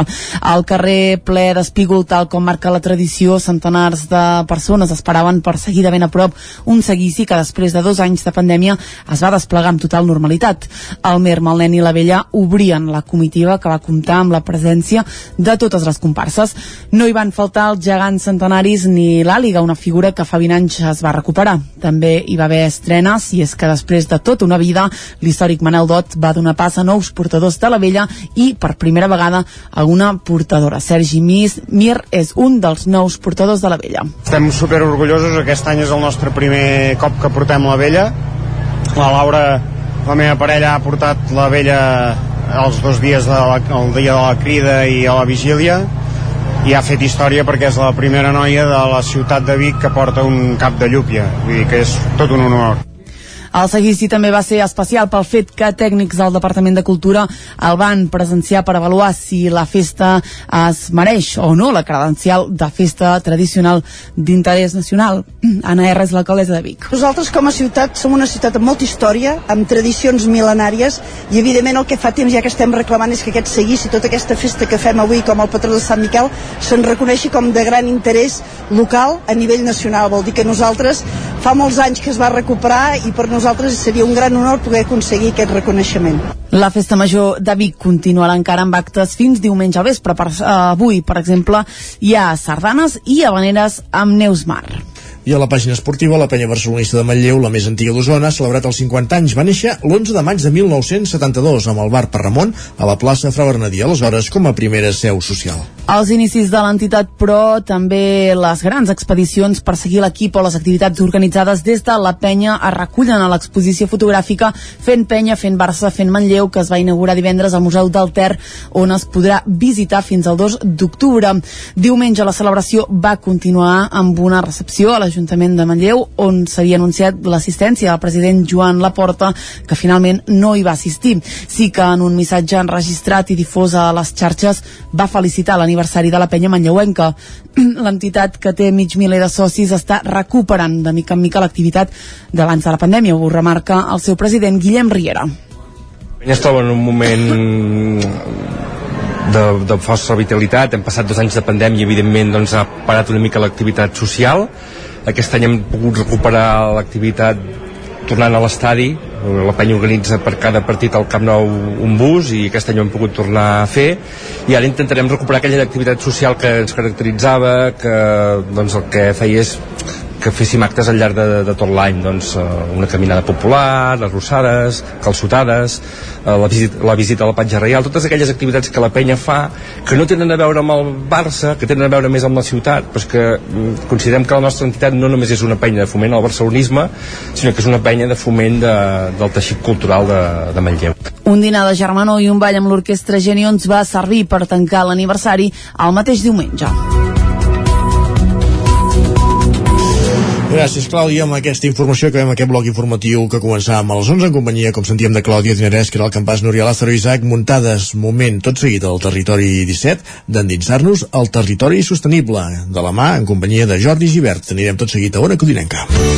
Territori 17. Envia'ns les teves notes de veu per WhatsApp al 646 079 023. 646 079 023. WhatsApp Territori 17.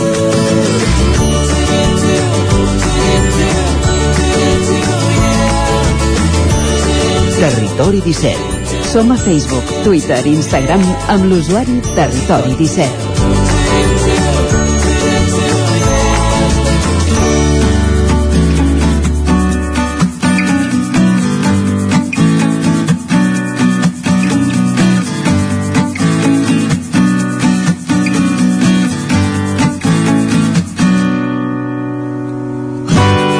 Territori sostenible, el territori 17 tot seguit, anem fins a una codinenca, allà ens esperen Jordi i Givert per acostar-nos una altra proposta que té en compte doncs, elements sostenibles de sostenibilitat de medi ambient o de cura sobre el medi eh, al territori.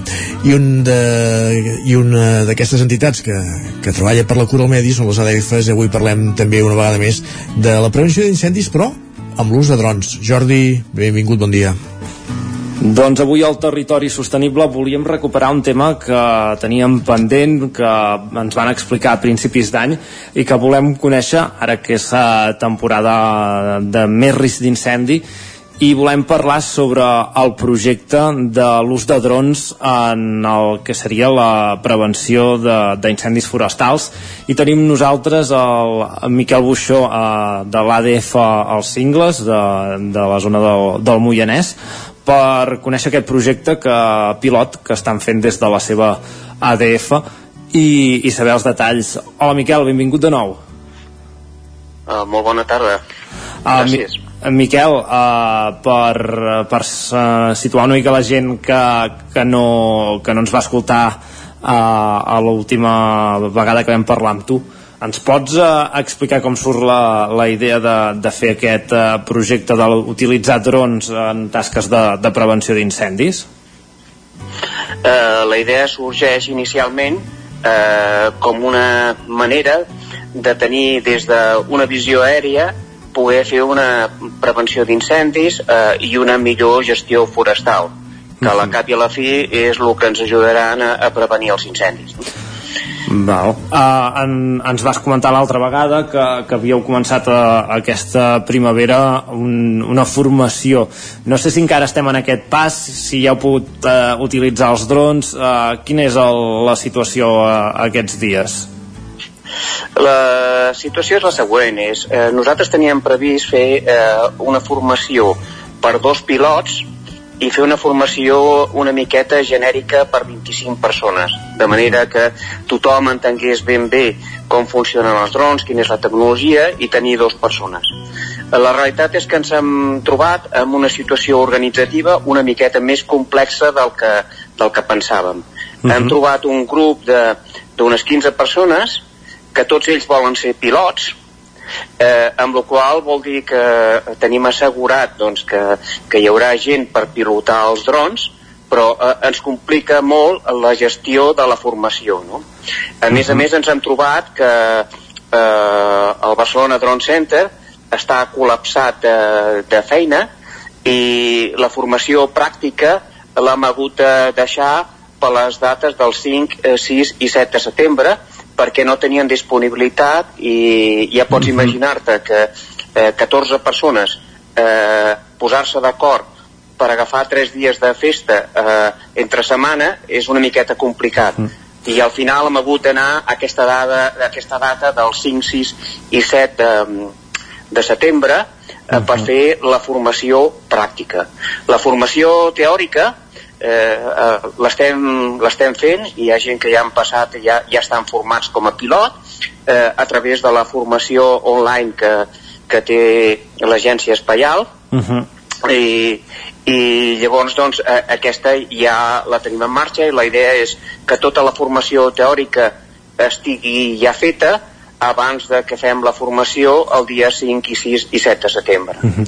Clar, per tant, eh, Uh, de moment uh, uh, està molt avançada aquesta formació teòrica que a més a més ha canviat i, i tindreu més gent uh, uh, capaç de pilotar aquests drons uh, especials per, per fer tasques de prevenció d'incendis però, però el que és el tema pràctic s'ha hagut d'enredarir de, Sí, el nostre pla que era començar a fer vols al juliol s'ha hagut de retrasar per aquesta raó, és a dir, eh, tenim eh, tanta gent que vol ser pilot eh, que organitzar aquesta formació es fa uh -huh. molt complexa i trobar dates amb el Drone Center ha estat molt complexa. Uh -huh. eh, en definitiva, eh, anem més a poc a poc del que voldríem, eh, però eh, l'important és que tenim un grup eh, bastant consolidat, bastant implicat, que està dedicant bastantes hores a formar-se online i que s'han organitzat per agafar-se tres dies de festa al setembre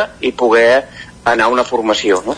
Clar, llavors a partir d'aquí, un cop estiguin formats, aquests 15 pilots ja, ja podran fer ús del, del dron, ja podreu començar a utilitzar-los ja en aquestes tasques de prevenció?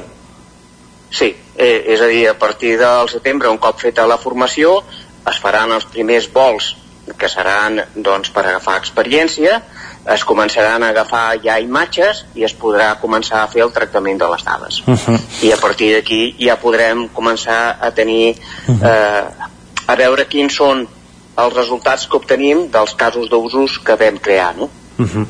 Clar, uh, no sé si teniu prevista alguna, algun full de ruta per començar a partir del mes de setembre algunes tasques que es puguin fer uh, durant aquesta final d'estiu, tardor, hivern, diguéssim. Sí, nosaltres el que vam fer va ser crear uns casos d'usos, com pot ser, per exemple, agafar una superfície i mesurar les alçades de, dels pins o pins que estiguin morts, eh, qualsevol eh, cosa que tenim una sèrie de casos d'usos identificats i el que farem amb aquesta llista de casos d'usos, amb les prioritats que vam marcar, anirem fent un darrere l'altre. Uh -huh. Val, d'acord. Uh, doncs uh, uh, també et volia preguntar, ja que et tenim aquí, no sé com valoreu des de la, les ADFs la situació actual als boscos, tenint en compte el clima, la sequera, uh, quina valoració en feu de, de tot plegat d'aquesta campanya d'estiu? Serà molt complicada? Home, tothom indica que la situació no va millor, és a dir, eh, hi ha un canvi climàtic, eh, hi ha una situació d'abandonament de, de, dels boscos i llavors no ens acompanya gaire la situació que tenim no? llavors aquesta campanya sembla que serà eh, eh, difícil eh, com la que vam tenir l'any passat no? tothom eh, està dient el mateix no? Uh -huh. llavors eh, bueno, eh, això eh, més que preocupar-se el que hem de fer és fer accions i això fer accions és doncs, eh, i amb això volem treballar amb el projecte dels drons, és tenir moltes més dades per poder fer prevenció, per poder fer treballs forestals, per poder eh, preveure i poder fer un manteniment millor de les infraestructures que tenim i això que serveixi més per la prevenció i extinció d'incendis, no? Uh mhm. -huh. Aquest és el nostre objectiu. Uh, més... Però no es veu una campanya fàcil. Uh -huh. Més enllà d'aquest projecte de drons, uh, de cara a aquest any, uh, aquest estiu, heu, heu, heu introduït alguna metodologia nova, alguna iniciativa nova uh, a l'ADF de, dels cingles?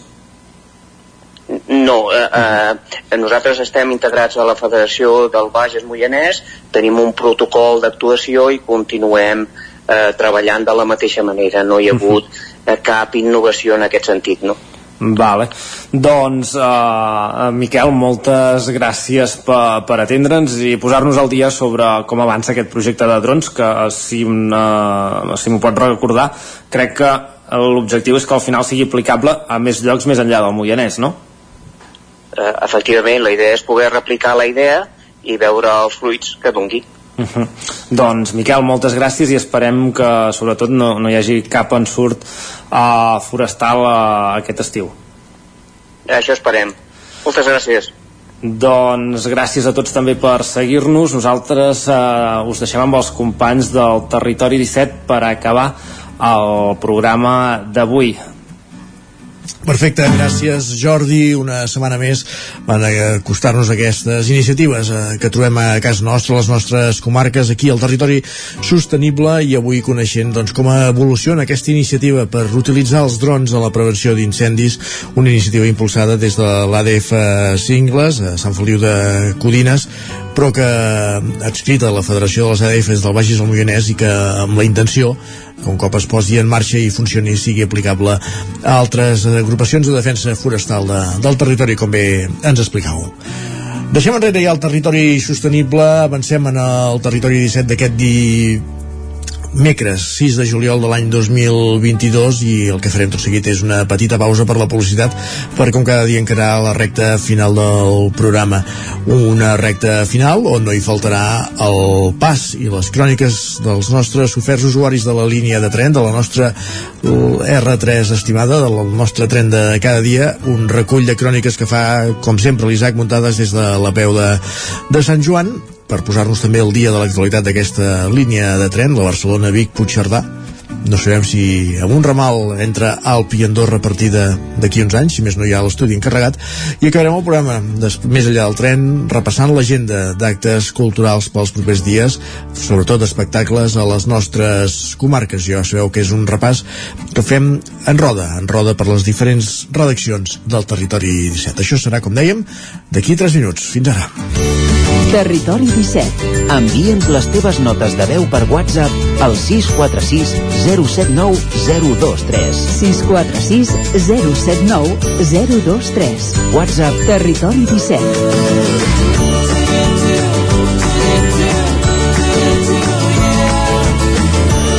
Territori 17. Som a Facebook, Twitter i Instagram amb l'usuari Territori 17.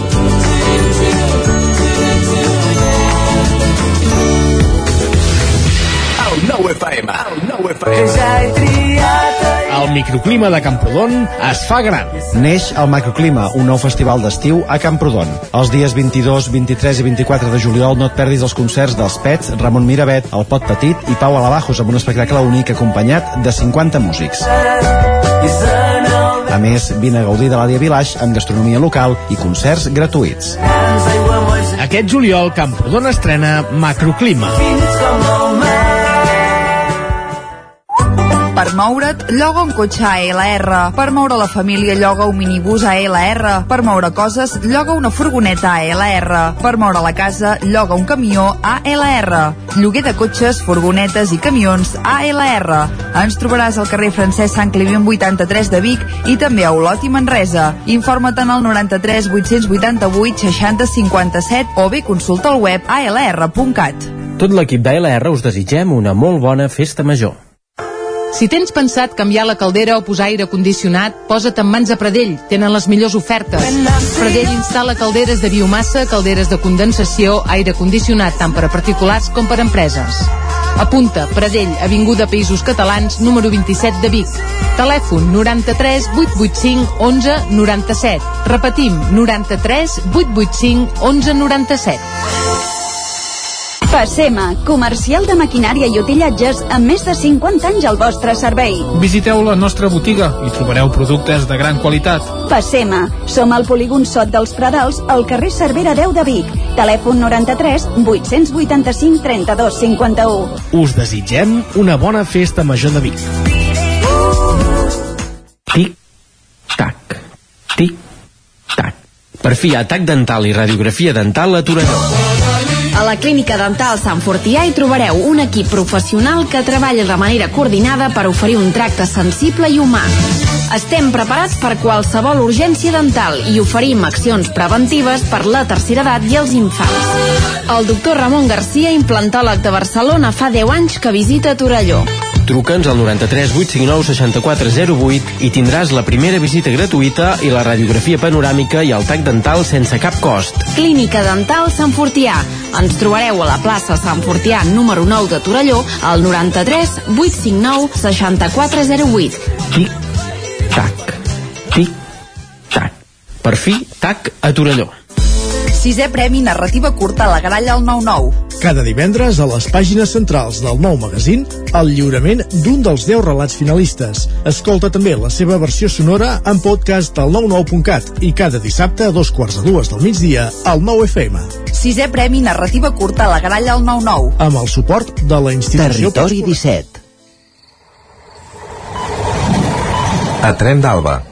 Cada dia els usuaris de la línia R3 de Rodalies que veuen sortir el sol des d'un vagó ens expliquen les gràcies i les penes del primer comboi que uneix Ripoll i Barcelona. Benvinguts a Tren d'Alba. Aquests darrers dies el president de Renfe, Isaías Taboas, acompanyant de l'alcaldessa de Mollet del Vallès, Mireia Dionisio i la directora de Rodalies de Catalunya, Maite Castillo, van visitar les obres de millora de l'accessibilitat de l'estació de Mollet Sant Fost. Els treballs inclouen la renovació i la modernització de l'edifici de viatgers, així com la construcció d'un pas inferior amb ascensors amb dues andanes, el recrescut d'aquestes i la prolongació fins a 200 metres, el que possibilitarà l'accés del tren des de l'andana, la substitució de la il·luminació existent a les andanes, la urbanització d'accessos i la instal·lació de noves marquesines que cobreixin l'accés als ascensors i les escales. Paral·lelament, amb objecte de millorar l'accés als trens, s'han finalitzat les actuacions d'adequació, prolongació i repavimentat de l'andana principal, que han comptat amb un pressupost de mig milió d'euros. Totes aquestes actuacions permetran adequar les instal·lacions a les necessitats dels més de 10.000 viatgers que diàriament utilitzaven aquesta estació abans de la pandèmia. I ja tinc ganes d'escoltar en Jordi Valls, que avui ens porta una crònica especial. Bon dia, sóc en Jordi de Centelles. Avui el primer de Vic, superpuntual,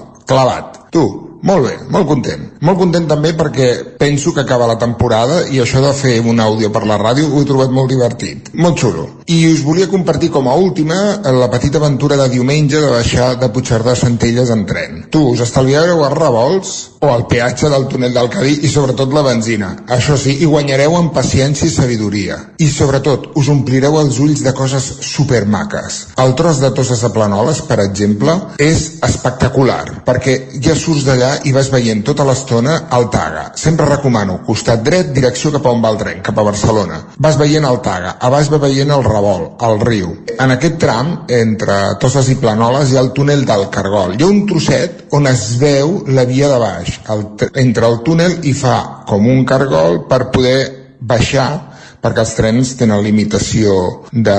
si no relliscarien i fa com un cargolet per dintre i surt a baix i és molt xulo després arribes, arribes de Freser que ja comença a haver més vida i el paisatge és espectacular s'obre una miqueta torna a tancar-se i de Ripoll a ben bé fins a Sant Quirze de Besora vas pel Congost del Ter. S'obre de nou i llavors comença, quan comença Osona, comença a córrer el tren com una bèstia. Superxulo, superdivertit. I el millor de tot, ahir 37 havíem d'arribar, a les 12.37, a les 12.37 va arribar.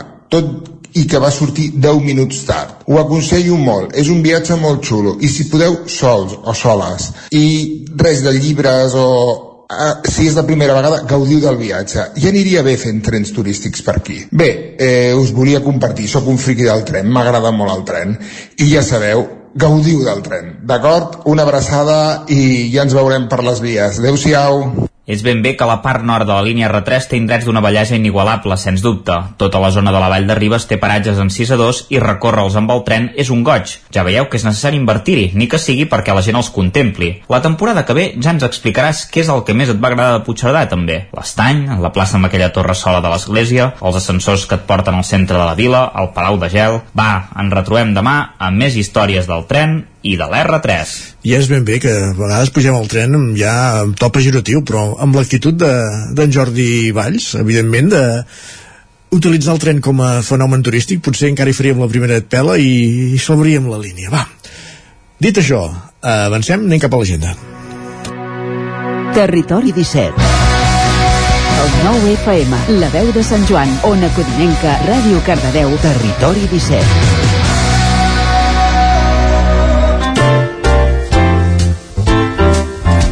Ja coneixeu les notes d'aquest piano, són les que ens indiquen que ens endinsem a fer una roda per les agendes culturals de les diferents emissores del territori 17. De, de, més que de les emissores, la roda la fem a les emissores, però és l'agenda de, les, de les diferents comarques. Una agenda que, com cada setmana, comencem als estudis de Ràdio Televisió Cardedeu. Allà ens espera l'Òscar Muñoz. Bon dia, Òscar.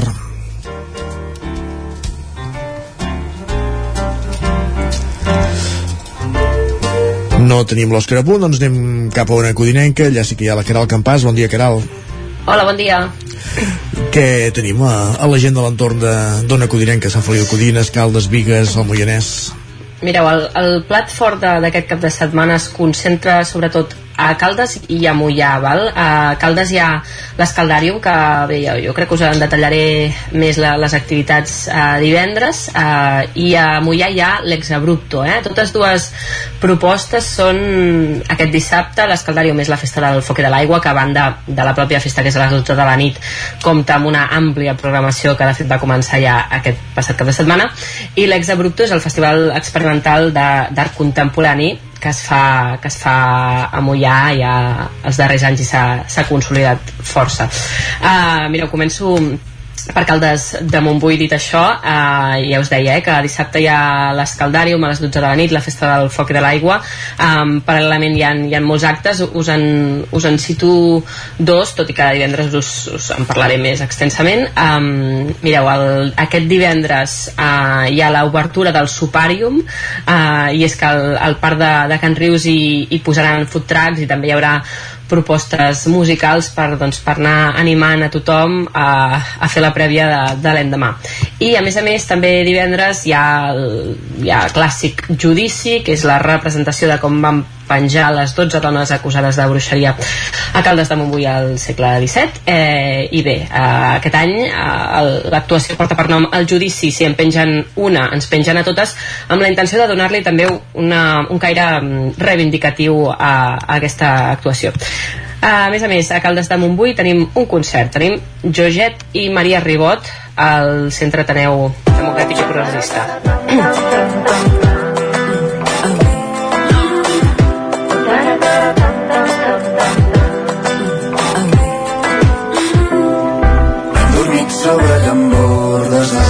sonen així, Josep i la Maria Ribot, eh?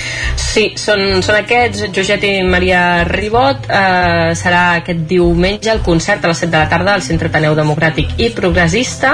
I bé, com, com estem podent escoltar, són una guitarra i dues veus que sobretot doncs, fan cançons sobre el llegat emocional que deixa el pas de les, de les generacions sobre les persones. Eh, després tancaria Caldes de Montbui amb una altra proposta, en aquest cas una proposta teatral, eh, també al mateix espai, eh, l'Ateneu, al Centre Ateneu Democràtic Progressista, mm, però en aquest cas a, l'Espai del Teatre. Uh, aquest uh, diumenge a les 7 a l'Escola d'Arts Escèniques de Caldes, la secció d'adults del grup de teatre del centre presenten uh, El dia que es va escapar al Cabirol. Eh, és un espectacle teatral inspirat en la novel·la Canto jo i la muntanya, la muntanya balla d'Irene Solà, usonenca uh -huh. i bé, ja es poden adquirir les entrades a través d'entrapolis.com de, per, per veure aquesta representació teatral de la secció d'adults de, del, del teatre del centre com us deia serà aquest diumenge a les 7 de la tarda. I me'n vaig cap a Sant Feliu de Codines. Aquí tenim música. Eh, segueix el setè cicle musical de, de Sant Feliu de Codines. Aquest cicle musical que es fa cada estiu que de fet va començar el cap de setmana passat. I eh, doncs la proposta eh, aquest cap de setmana és eh, divendres hi ha un concert de música clàssica eh, que porta per nom La identitat nacional en la música. Eh, aquest concert serà a partir de les 9 del vespre al Centre Cívic La Fonteta. I dissabte tenim música cubana amb Son Salao a, a partir de les 10 del vespre al Parc Municipal de Can Xifreda. I tancaria mm, l'agenda cultural d'Ona Codinenca parlant de, del Moianès. Aquí tenim com us deia l'Exabrupto, el Festival Experimental doncs, d'art contemporani.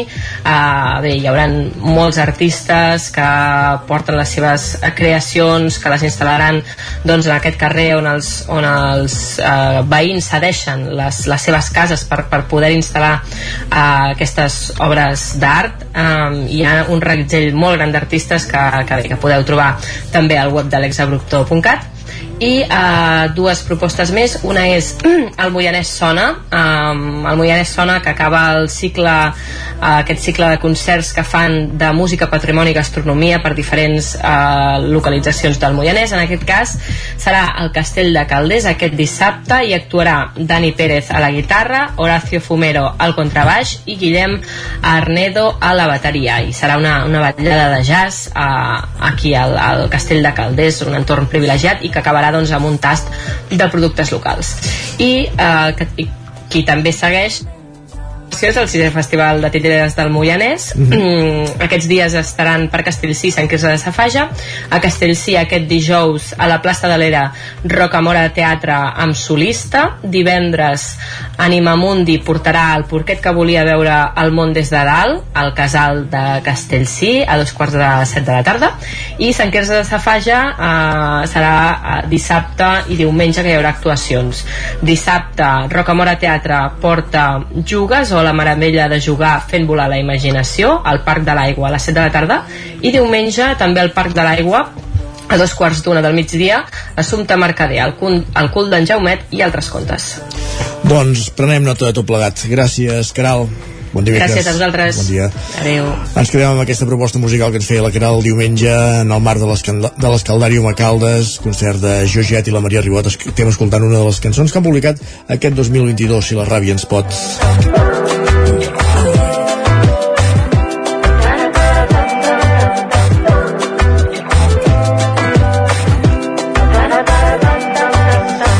I dona Codinenca, ara sí anem fins als estudis de Ràdio Televisió Cardedeu. Òscar, benvingut, bon dia.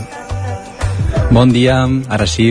Exacte, tenim eh, aquí, doncs, què tenim a l'agenda? Sí, comentem l'agenda, comencem per aquí Cardedeu, dijous a les 7 del vespre es farà la presentació del llibre Els noms de la memòria, el cost humà de la Guerra Civil a Cardedeu, escrit per l'historiador local Ricard Ginjaume també comptarà amb la presència de l'autor i l'historiador Joan Garriga Andreu al Teatre Auditori de Cardedeu i dissabte a les 8 del vespre a la plaça de Sant Joan acollirà la presentació del cartell del Polvorí 2022 el, la presentació de la festa major d'aquí Cardedeu hi haurà punxadiscos i servei de sopar després de conèixer doncs, totes aquestes activitats que hauran programat per la festa major com ja acaba això, el, el T17, ara a Cardedeu es faran els vespres de juliol, uh mhm. -huh. així que els dimarts i els dimecres hi haurà música, circ i cinema a l'aire lliure doncs, per diferents en, en, entorns de Cardedeu. Molt bé. De Cardedeu anem a, a Llinars del Vallès. Uh, també hi haurà, faran activitats durant l'estiu, dimarts i dijous de 6 a 8 davant de la biblioteca Can Cases hi haurà jocs gegants com els tres en ratlla o uns escacs gegants a càrrec de Mou la Fitxa o sigui, són activitats pels més petits aprofitant l'ombra de la façana de la biblioteca Can Cases de Llinars del Vallès aquest dijous a les 8 del vespre eh, es farà un etnotast amb els vins de, de la denominació de l'ella al Castell Nou de Llinars del Vallès.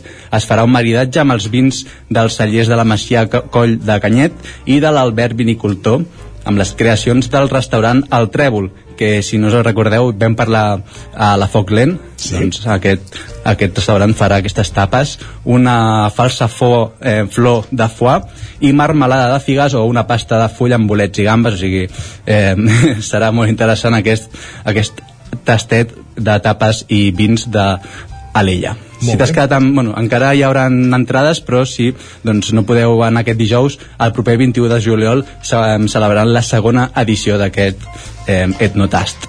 Molt bé. Aquest divendres eh, també seguim a Llinars del Vallès. Comença el cicle de concerts i copes al Castell Nou amb The Beatles Tribute a les 10 de la nit. Eh, doncs, per reviure totes aquestes cançons del grup de Liverpool que van marcar un abans i un després de la història de la música. I en aquest cicle també doncs, podrem veure eh, la setmana que ve a la Judith Nederman eh, podrem veure un concert de swing italià amb Dolce Vita i acabarà el divendres 29 de juliol amb la Marina Rossell amb els 300 crits. De moment aquesta, aquesta setmana i l'altra ja estan exaurides les entrades encara queden per al swing italià i la Marina Rossell molt bé i doncs acabem on acabem? exacte i acabem a Granollers amb tres activitats. Divendres a les 8 a la Roca Umbert faran una jam teatre, un espai obert als joves creadors que tinguin ganes de mostrar el seu treball amb peces com a màxim de 10 minuts de diferents disciplines escèniques. Divendres també començarà el Festival de Música Música en Viu, també serà di eh, aquest divendres i divendres i dissabte de la setmana que ve amb els grups Scarra, Musi, Pupa Congo, Misha Wandem, High Like Sound, Fight Warrior Sound and Urtica Sound. Carai. es farà al Parc Firal, sí, sí, es farà al Parc Firal de Granollers on es fa anualment la Fira de l'Ascensió i doncs per tots aquests grups que doncs, emergents doncs, tenen aquest espai. Molt bé.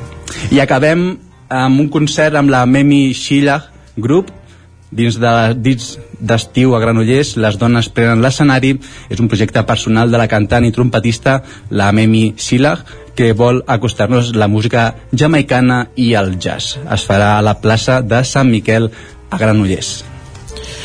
Perfectíssim, Òscar, doncs moltes gràcies. A vosaltres. Bon dimecres.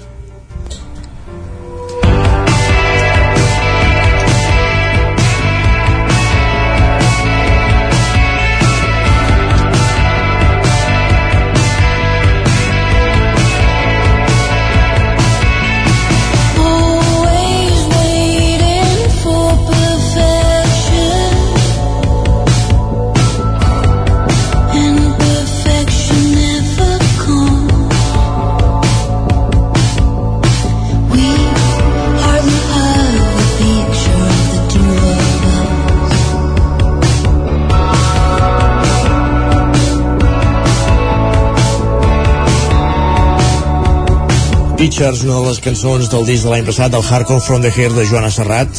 Uh, més tard escoltarem algun dels senzills que ha publicat ja aquest 2022, però ens serveix d'entrada per donar pas a l'agenda del Ripollès, perquè la Joana, la, la biguetana Joana Serrat, és una de les protagonistes, Isaac Muntades. Bon dia, Isaac. Doncs uh, sí, com molt bé dius, la Joana Serrat és una de les protagonistes perquè aquest cap de setmana doncs, uh, serà un dels caps de cartell d'aquest uh, Festival de Música Calabataires que s'inicia doncs, uh, a Can de Bànol, aquesta segona edició. Uh, ella tocarà doncs, en un concert a les 10 de la nit a la plaça Vall de Mosa, uh, just darrere de, de l'Ajuntament. Divendres o dissabte, aquest... Isaac, perdona. Això serà aquest dissabte. dissabte aquest, perfecte. dissabte aquest dissabte, exacte.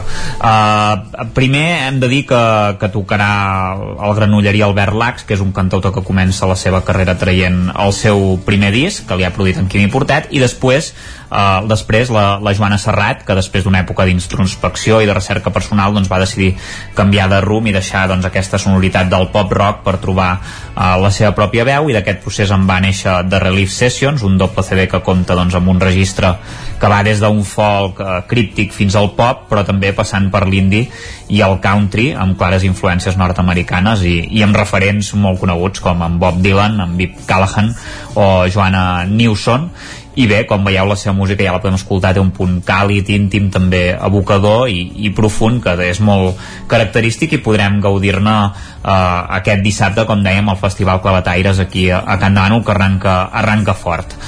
Um, ara retrocedim una mica anem, anem al divendres perquè no ens movem de Can Davano perquè a l'espai de, de la Torre de mossèn Tor Uh, l'associació Candano Cultura i uh, Compromís uh, organitza l'exposició mediterrània hi ha vuit autors uh, que uh, exposaran els seus quadres en aquest cas el tema principal doncs, serà el mar Mediterrani si podran veure això, eh? les zones els ports, etc etc.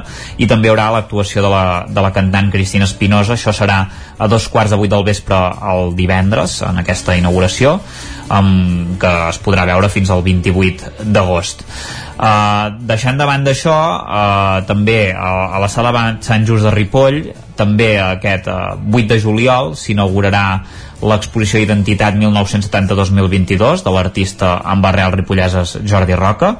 La inauguració, com us deia, serà aquest divendres a partir de les 8 del vespre i també hi serà present doncs, l'artista i es podrà veure fins a l'11 de setembre. Uh, sota el paraigües del cicle Despullem la norma de, del cicle de cinema LGTBIQ del Ripollès uh, aquest cop que ja sabeu que va itinerant per diferents municipis de la comarca uh, serà Ribes de Freser que es projectarà aquesta pel·lícula La generació misteriosa a partir de les 7 de la tarda divendres al Casal de la Gent Gran. És una pel·lícula que vol rendir un homenatge al col·lectiu de persones grans LGTBI de Barcelona coneguts com la generació del silenci perquè van tenir doncs, que viure la seva sexualitat amagant-se de la seva família, amics i entorn laboral i a través de 24 entrevistes doncs, es descobreixen les històries d'aquestes persones que han tingut vides apassionants i molt difícils uh, a la vegada. I bé, doncs ja sabem que, que han tingut una, una gran part de la seva vida l'han viscut en un entorn hostil doncs marcat també al principi per la, per la dictadura franquista i també per al poder de l'Església Catòlica que llavors era qui controlava l'educació per tant era, era complicat viure la sexualitat amb, amb la seva plenitud i, i jo crec que també l'altre punt important d'aquest cap de setmana seria el Festival Contarnau de, sí. de Sant Joan de les Abadeses uh, que en aquest cas com en el Clavataires també serà a les 10 del, del vespre i en aquest cas el claustre del monestir tocarà el grup Priorart Ensemble que és un col·lectiu de músics nascut a la comarca del Priorat, d'aquí el joc de paraules, que pretén difondre la música d'arrel mediterrània, de copla i cançó, en un format organològicament innovador i Priorart investiga doncs, també en la creació compositiva i l'adaptació a noves acústiques. Uh, el quintet està integrat per la violinista Marta Cardona, Miquel Àngel Cordero al contrabaix, Oriol Aimat al violoncel, Jordi Molina a la tenora i Marc Garcia a la trompa. El, el trio de corda com a nucli sonor principal, la tenora com a representant de la fusta de doble canya i la trompa del metall doncs, genera una contundent uh, dinàmica innovadora i equilibrada sonoritat. Això serà doncs, aquesta, aquesta actuació que hi haurà al Festival del Contarnau aquest cap de setmana. Uh -huh. um, per acabar, dir-vos que ja també tornem enrere el divendres, dues pel·lícules al Teatre Comtal de, de Ripoll, del tour del Festival del Cinema de Torelló, que en aquest cas a terra doncs en el Comtal sí. hi haurà la pel·lícula de Icefall Doctor uh, que bé, que és una pel·lícula que durant més de 10 anys l'equip de rodatge del documental doncs, ha tingut accés per firmar en Nima i el seu equip de xerpes exercint doncs, aquesta professió. Uh, i bé, uh, es, escalen la gelera del Kumbu a l'Everest i l'objectiu és que els alpinistes occidentals doncs, tinguin les màximes facilitats per assolir el sostre uh, del món.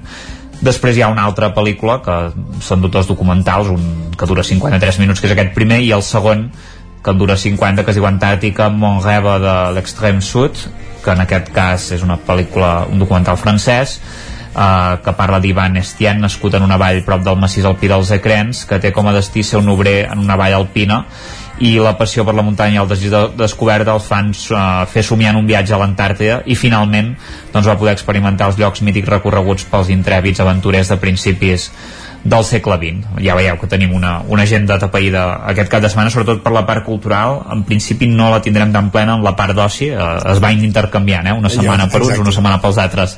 D'això ja en parlarem divendres. Doncs amb aquestes dues pel·lícules premiades al Festival de Torelló, que després fan gira per diversos llocs, que arriben divendres a Ripoll, acabem aquesta agenda cultural que començàvem amb el Festival Clavataires de Can de Bànol, on dissabte actua Joana Serrat. Gràcies, Isaac.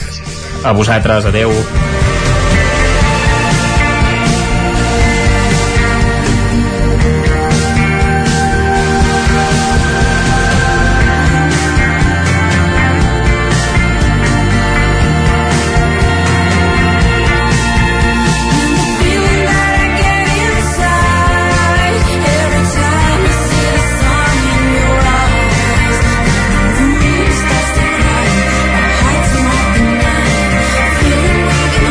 Recorregut per l'agenda l'acabem cada setmana a Osona, en companyia d'en Jordi Vilarrodà. Avui el tenim, no el tenim a l'estudi.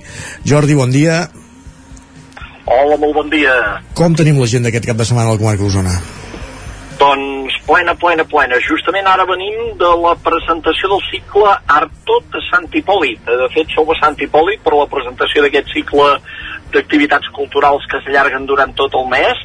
Eh, us podem recomanar una activitat d'avui, es diu Paraules que trenquen ossos, i és un recorregut que comença a les 10 de la nit en un punt a la Font del Bac, que és allà on es troba la gent, eh, i màxim 50 persones, allò no, no més, eh, portar calçat allò per anar a fer una passejada pel bosc, i és fer una passejada pel bosc de nit, molt suggerent, guiada per un grup que es diu la companyia Pagans, i una cosa que primer haurà de fer la gent és entregar el seu mòbil. O sigui, i te'n donaran un altre. Ah. I a través d'aquest mòbil rebràs trucades, rebràs instruccions, i sense deixar d'anar amb el grup, eh? però aquell mòbil t'anirà dient coses. La primera, la primera cosa que et demanaran hi ha una, una mica de reticència, eh? però eh, tranquils et donaran un altre mòbil i a través d'allà et donaran instruccions per fer un recorregut més o menys eh, fins allà doncs, a dos quarts de dotze de la nit, recorregut curtet, eh? curtet, però t'aniran explicant coses, coses que passen al bosc. Això és proposta del cicle Art Tot de Sant Hipòlit, on demà també teatre sobre ruedas amb dues, amb, de fet amb la Txell Cabanes i la Martina Cabanes, dues usonenques, estrenaran un espectacle que es diu L'assassinat dels espàrrecs, a les 9 del vespre, això serà a la plaça de Catalunya de Sant Hipòlit. I diumenge, eh, perdó, dissabte Anna Ferrer, la menorquina, la cantant menorquina Anna Ferrer i és que hi ha molts cicles, a veure si som a temps de dir-ne alguns, que comencen aquesta setmana. Aquests cicles que a vegades són petits, que alguns, no com l'art tot, però sí altres, van néixer en els pobles ara fa dos anys, l'estiu de la pandèmia, per fer una oferta cultural de petit format a cada poble i s'han quedat com l'encadira de Call d'Atenes, que comença justament també aquest dimecres, uh -huh. que comença a la plaça 11 de setembre amb dansa contemporània i amb un mag de molta trajectòria, el professor Caroli. Eh, també comença aquesta setmana a Fulgaroles, un cicle que també és, és els que va néixer fa dos anys, el cicle que es diu ara Més Música, i comença divendres amb la Berganana de Folklore Total, que eh, presentaran un programa que, que ja es pot deduir que és música folk i es diu de Verdaguer a Verdaguer.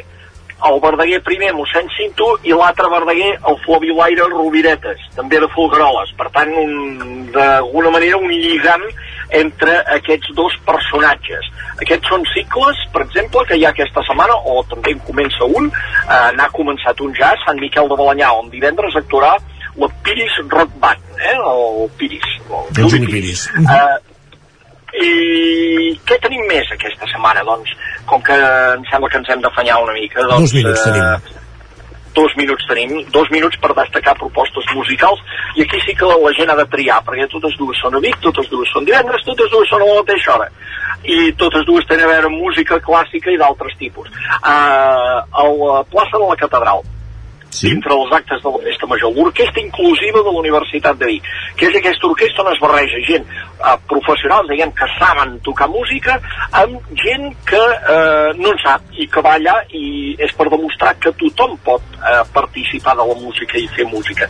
Doncs aquesta orquestra farà un concert a la plaça de la Catedral a les 8 del vespre, celebra els 10 anys d'activitat i, i demostraran de què són capaços. I a la mateixa hora, a la mateixa hora, a l'Atlàntida, dintre del Clàssica Jove, hi tenim la eh, Jove Orquestra Nacional de Catalunya, que interpreta la sinfonia número 5 de Shostakovich o el Xerezade de Rimsky-Korsakov, per destacar algunes peces conegudes.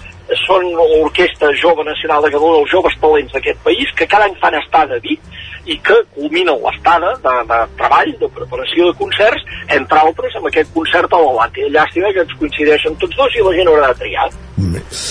Hi ha gent per tot, per sort. Uh... Uh, Hi ha gent per tot, per sort. I, i, I ara sí que ja no devem tenir temps de fer de, de gaire res més, eh? tens 30 segons, si vols, però vaja, si tens alguna cosa Ah, a doncs comentar... 30 segons 30 segons són suficients per dir que continua el Festival d'Estiu de Sant Pere de Casserres i que aquest dissabte a dos quarts de vuit del vespre hi ha la Coloma Bertran amb el seu quartet presentant el disc Principis. Perfecte, doncs ens quedem amb aquesta proposta de la Coloma Bertran i sota les notes de la Jove Orquestra Nacional de Catalunya que serà divendres a l'Atlàntida. Jordi, moltíssimes gràcies per ser un dimecres més al Territori 17 a repassar l'agenda pels propers dies. Moltes gràcies. Bon dimecres. I nosaltres acabem el programa d'avui ja.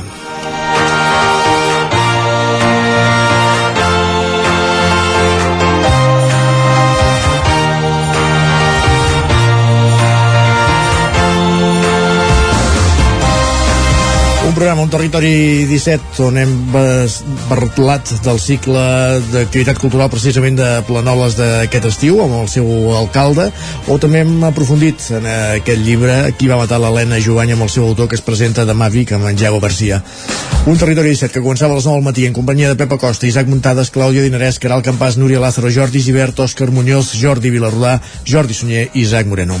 I tornem demà a partir de les 9 aquí a la vostra sintonia. Bon dimecres, gràcies per ser-hi, adeu-siau. Territori 17, un magazín del nou FM. La veu de Sant Joan, Ona Codinenca i Ràdio Cardedeu amb el suport de la xarxa. El nou FM.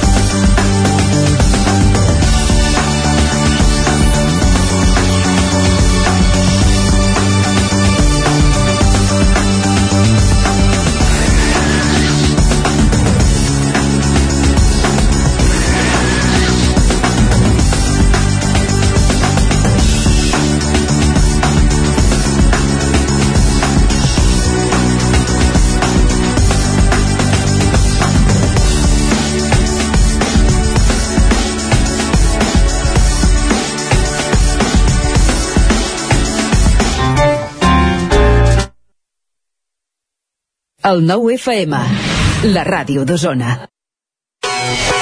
És l'hora del racó de León, restaurant bar.